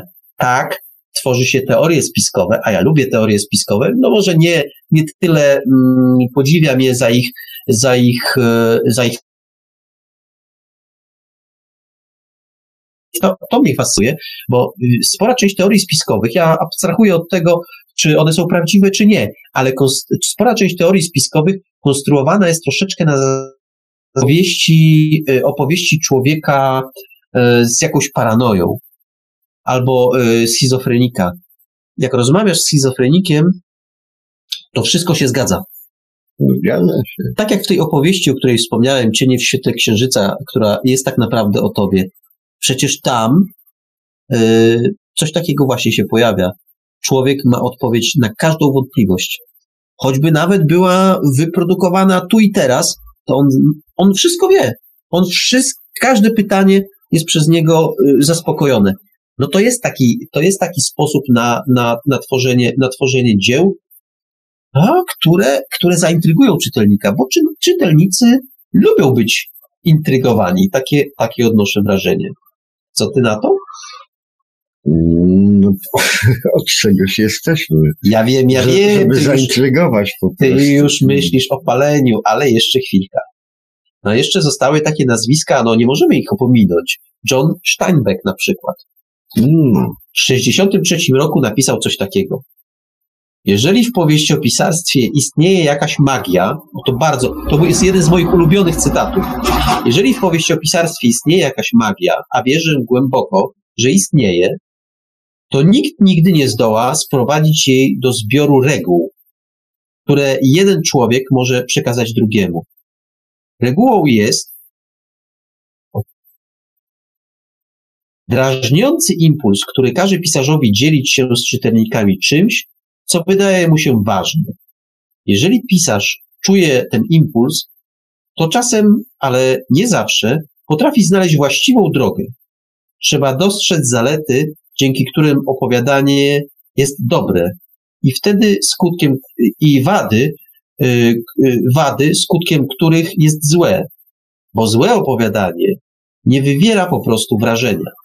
Po napisaniu nie trudno ocenić opowiadanie, ale rozpoczęcie pisania jeszcze dziś, mimo upływu lat, przeraża mnie śmiertelnie.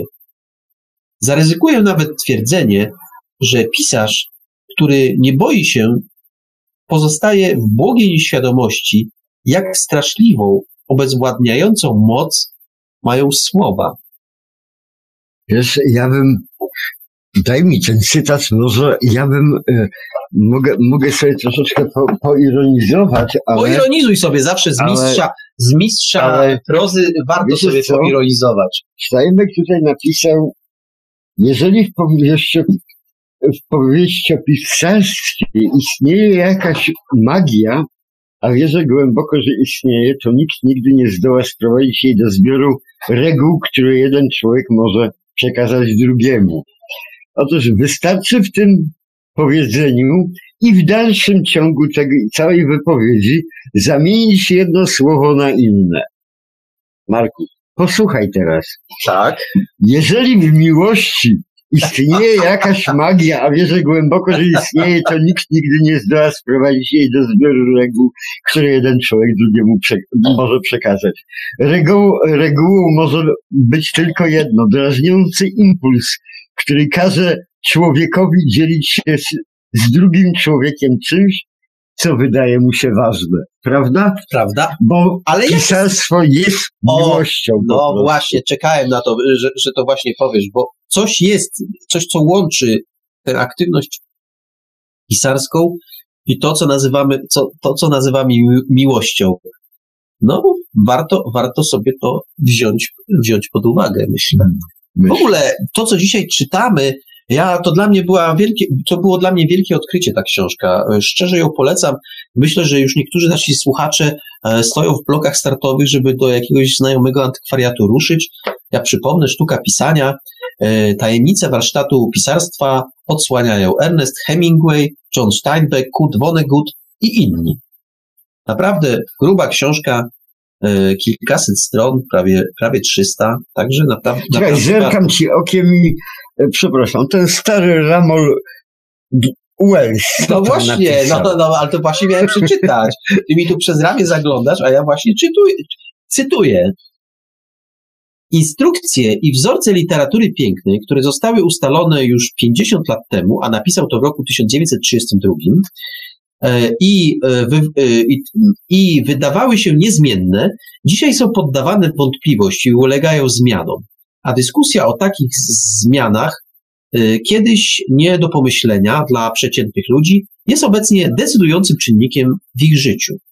Niektórzy skarżą się, że zamiast przedstawiać w swoich powieściach życie, dyskutuję na jego temat. Z pewnością robię to.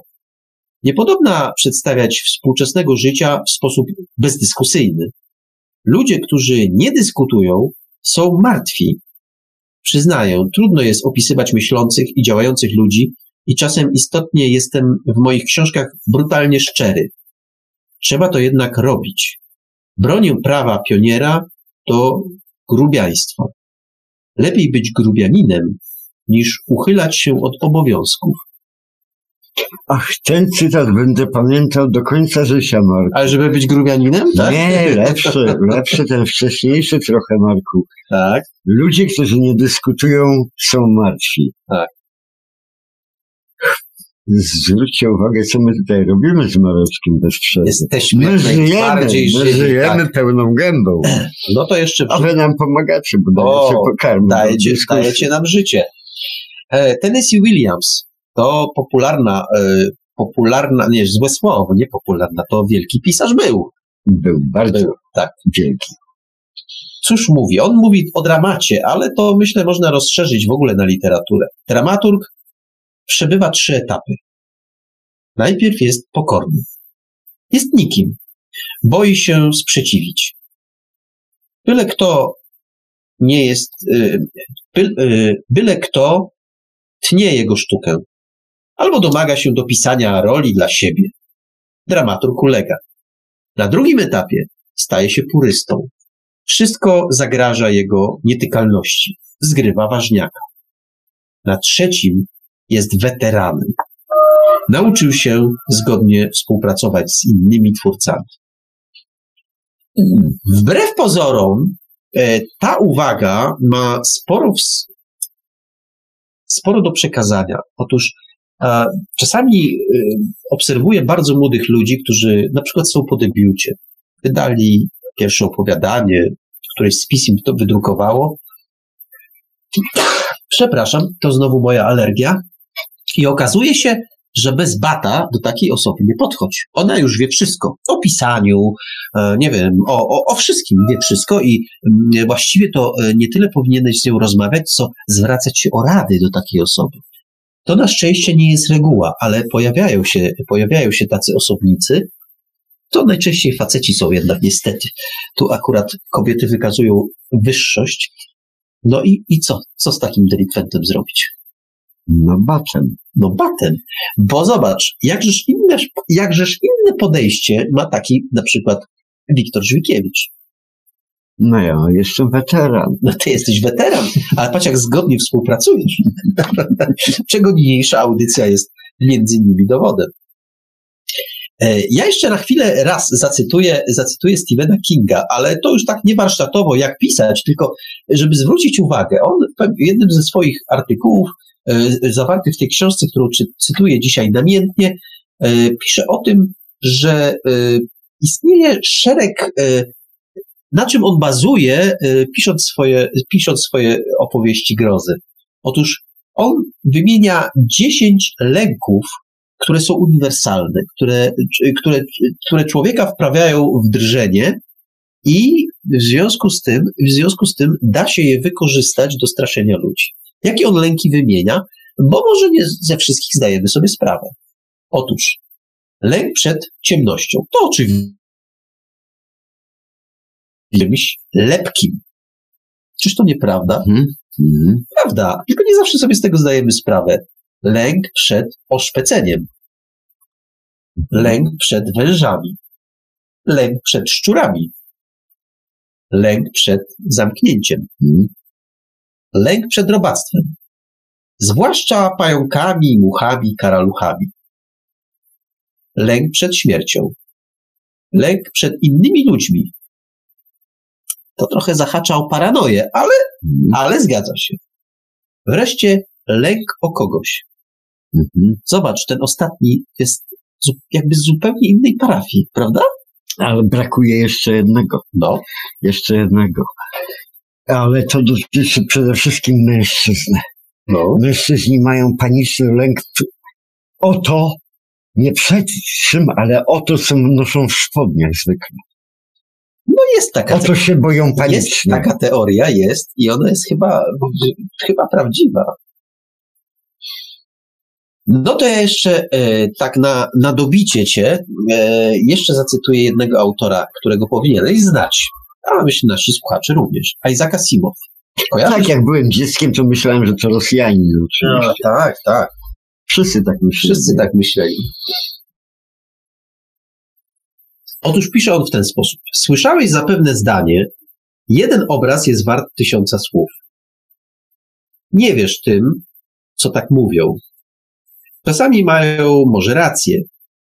Wtedy, mianowicie, gdy mówiąc, mówiąc tak, myślą o ludziach, którzy nie czytają książek albo o trudnościach, jakie nastręcza opis skomplikowanego przedmiotu.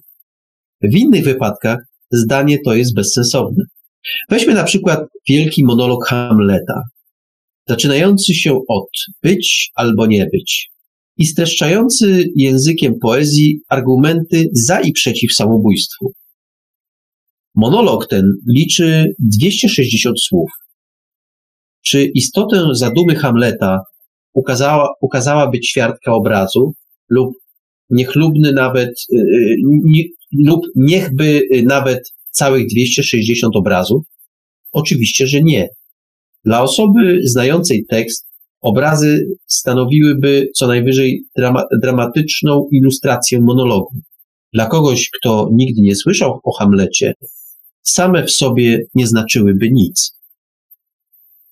I co pan, wać pan na to? To mam mieszane uczucia. A dobrze, to właśnie na to liczyłem, bo ja się też nie do końca zgadzam. Wiele razy na przykład yy, obserwując kiedyś yy, analizowałem obrazy schizofreników i naprawdę yy, zupełnie genialne malarstwo schizofreników, to nie miałbym odwagi powiedzieć, że że potrzebne jest jakiekolwiek słowo, choćby jedno, żeby cokolwiek do tych obrazów dodać. One właściwie wszystko tłumaczą, wszystko mówią, dotykają problemów w każdym momencie i, i tak dalej, i tak dalej. No cóż, szanowni państwo, to był ostatni cytat yy, w dzisiejszej audycji. Książka jest naprawdę genialna. Jeszcze raz powtórzę, sztuka pisania to jest właściwie, ją można czytać yy, wiele razy i zawsze znajdzie się w niej coś ciekawego. Tych autorów są naprawdę dziesiątki. E, naprawdę jestem bardzo zadowolony, że coś takiego namierzyłem. E, powiem jeszcze tak, że. A, Wiktor chce coś powiedzieć. Słucham. Nie, ja taką mam taką, taką. Hmm, coś mnie dzisiaj przewrotność jakoś skręca. Otóż... Wiesz, ciebie skręca przewrotność, mnie skręca alergia, z nosa mi cieknie. W ogóle jakaś, nie, jakieś, dobrze, że nie ma, dobrze, że dzisiaj nie ma kamery, bo to by dopiero wyglądało. Wiesz, ja, ja chcę sobie troszeczkę pożartować z naszych e, autorów. I dzisiejszych, i, i wczorajszych, i przyszłych. Otóż, kochani, e, dzisiaj trafiacie do internetu, prawda? wasze opowiadania wylatują w przestrzeń, że tak powiem, wirtu- wylatują w przestrzeń wirtualną, ktoś je słucha, ktoś czyta i tak dalej. A ja ciebie, Marku, zapytam, gdzie kupiłeś tą książkę? W antykwariacie, mówiłem. No to, no to kochani, piszcie, piszcie, piszcie. Tak samo jak Hemingway, Steinbeck i Kurt Vonnegut. Może kiedyś traficie do antykwariatu. O, tego należałoby życzyć, bo jeżeli ktoś trafia do antykwariatu, a później przychodzi inny człowiek i tę książkę kupuje, to znaczy, że jeszcze nie jest tak, jeszcze nie jest tak źle. To ja, ja wszystkim, wszystkim naszym, naszym słuchaczom i naszym e, korespondentom, pisarzom rzeczywiście tego życzę. No cóż, to była nasza ostatnia audycja przed wakacjami. E, tak jak powiedziałem, te audycje wakacyjne e, poświęcimy mistrzom. Pierwszym mistrzem będzie Wiktor Żwikiewicz i jego opowiadania. Nad kolejnymi mistrzami się jeszcze zastanowimy. No cóż, dwa miesiące minął szybko, mm, a mm, cały czas liczymy na to, że czas wakacyjny będzie sprzyjał e, tworzeniu i zasypiecie nas Państwo kolejnymi świetnymi tekstami. Ja chciałem bardzo wszystkim naszym autorom podziękować za te wspaniałe miesiące, kiedy mieliśmy okazję słuchać, czytać, obcować z państwa, z państwa literaturą. Tak, tak, literaturą. Wcale się, wcale się nie, waha, nie zawahałem, kiedy o tym mówiłem, bo to jest literatura. Może jeszcze niedoskonała, może jeszcze począt, taka początkująca, jeszcze taka jaka wykluwająca się, ale literatura. Bardzo, bardzo za to dziękujemy. Y, I tu mogę, Wiktor kiwa głową, że mogę używać liczby mnogiej. Nie. Tak, niech będzie. E, bardzo, bardzo dziękujemy. Już, już czekamy na wrzesień, kiedy to, kiedy to ruszymy z kolejnymi, z kolejnymi wydaniami ABW. No i cóż, przypominamy o konkursie, to yy, powiem tak, yy, jakaś pula opowiadań, które w konkursie wezmą udział, które zwyciężą, oczywiście trafi do, trafi do książki, ale yy, w regulaminie będzie też, będzie też yy, taka notka, która będzie y, pozwalała na to, żebyśmy y, wykorzystali część tekstów również w naszej audycji. Już się na to cieszę, bo tematy, tematy y, przypomnę, hotel na uboczu, diabeł, rawkości. Te dwa tematy, te dwa tematy to będą tematy konkursu. Konkursu, o którym, tak jak już mówiłem wcześniej w audycji, e, troszeczkę więcej, troszeczkę więcej będziecie mogli Państwo posłuchać w przyszłym tygodniu na Facebooku pojawi się film, o, określmy to instruktażowy, co i jak, jeśli chodzi, jeśli chodzi o konkurs. No cóż, Wiktorze, ponieważ czas wakacyjny, to jeszcze coś powiedz. Co na pewno powiem, po prostu wakacje to jest taka wolność. Każdy sobie może gdzieś po, dzisiaj pojechać do Pernambuku albo gdzie indziej jeszcze nawet i tak dalej, ale jeżeli ktoś nigdzie nie wyjeżdża, to też niech ma oczy otwarte a ja bym proponował, żeby w, taką nudną, wakacyjną siestę zajrzał na przykład do takich świnioryjów. Tam się wbrew pozorom ciekawe rzeczy dzieją. No, dzieją się, dzieją. Yy, Powiem tak, y, to oczywiście, oczywiście cała, cała, cała epopeja, jeśli chodzi, jeśli chodzi o nasze książki bibliotekaryjne. Trzy tytuły, ostatni z nich to, ostatni z tych tytułów to po, Brunie, y, po książce Bruno Kadyny Wpływ i po książce Tadeusza Myszko Śmieciowi Ludzie, to właśnie pewnego razu w Świjoryjach Przemysława Cichonia. Mm, znakomite spotkanie w Nidzicy z, naszy, z naszymi autorami. E, państwu życzę e, kontaktu z tymi książkami, bo to, bo to książki niezwykłe. Ja się czy, czy mógłbym przekazać oficjalnie parę dowcipów, które Przemysław Cichoń nam zaserwował? Ja się waham, waham się, ale spróbuj, proszę bardzo. Nie, myślałem, że się będziesz bardziej wahał. Nie, ja już się przy tobie wyrobiłem, Wiktor, ja już się przy tobie wyrobiłem. No ja się nie. byle czym, ja się byle czym nie dam zaskoczyć. No, no, no, to, no to nie. Niestety y, tutaj Przemysław Cicho nie zastrzelił tak bardzo, że nie wychylę się. Nie wychylę. Te dowcipy mnie powaliły. No to teraz. Do dzisiaj. No ale. Nie mogę. Nie, mo no, nie mogę. Tak właśnie myślałem, że się jednak nie odważysz, ale powiem ci, że też, powiem ci też, że też czasami to był dla mnie dowód na to, że czasami mocny dowcip to jest ten dowcip, który należy opowiedzieć. Tak, tak ja już wszystkim opowiedziałem, tylko nie naszym słuchaczom. tak, no tutaj, niestety. Bo, no, bo antena, antena, antena tego nie zniesie, nie zniesie tego, ale widzisz, wykazałem się dzielnością. Dzielnością, nie dałem się złapać w pułapkę. No cóż, Wiktorze, tak. tak się żegnamy, żegnamy, żegnamy, no ale czas trzeba się jednak pożegnać już konkretnie. Mm, zatem, szanowni słuchacze, za dwa miesiące słyszymy się y, na antenie Radia Paranormalium w, audycji, w kolejnej audycji ABW, a wakacyjne wydania, krótsze wydania ABW y, z głosem Iweliosa, także, także w ciągu wakacji na nie serdecznie zapraszamy i zapraszamy oczywiście za tydzień na bibliotekarium. Będzie ciekawie. Dziękujemy bardzo. Pa, pa.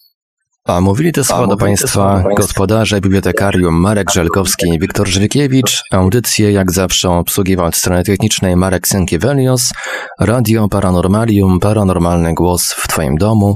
Dobranoc i do usłyszenia ponownie, tym razem na żywo, już za tydzień. Bibliotekarium.pl i Radio Paranormalium prezentują ABW Antologia Bibliotekarium Warsztaty.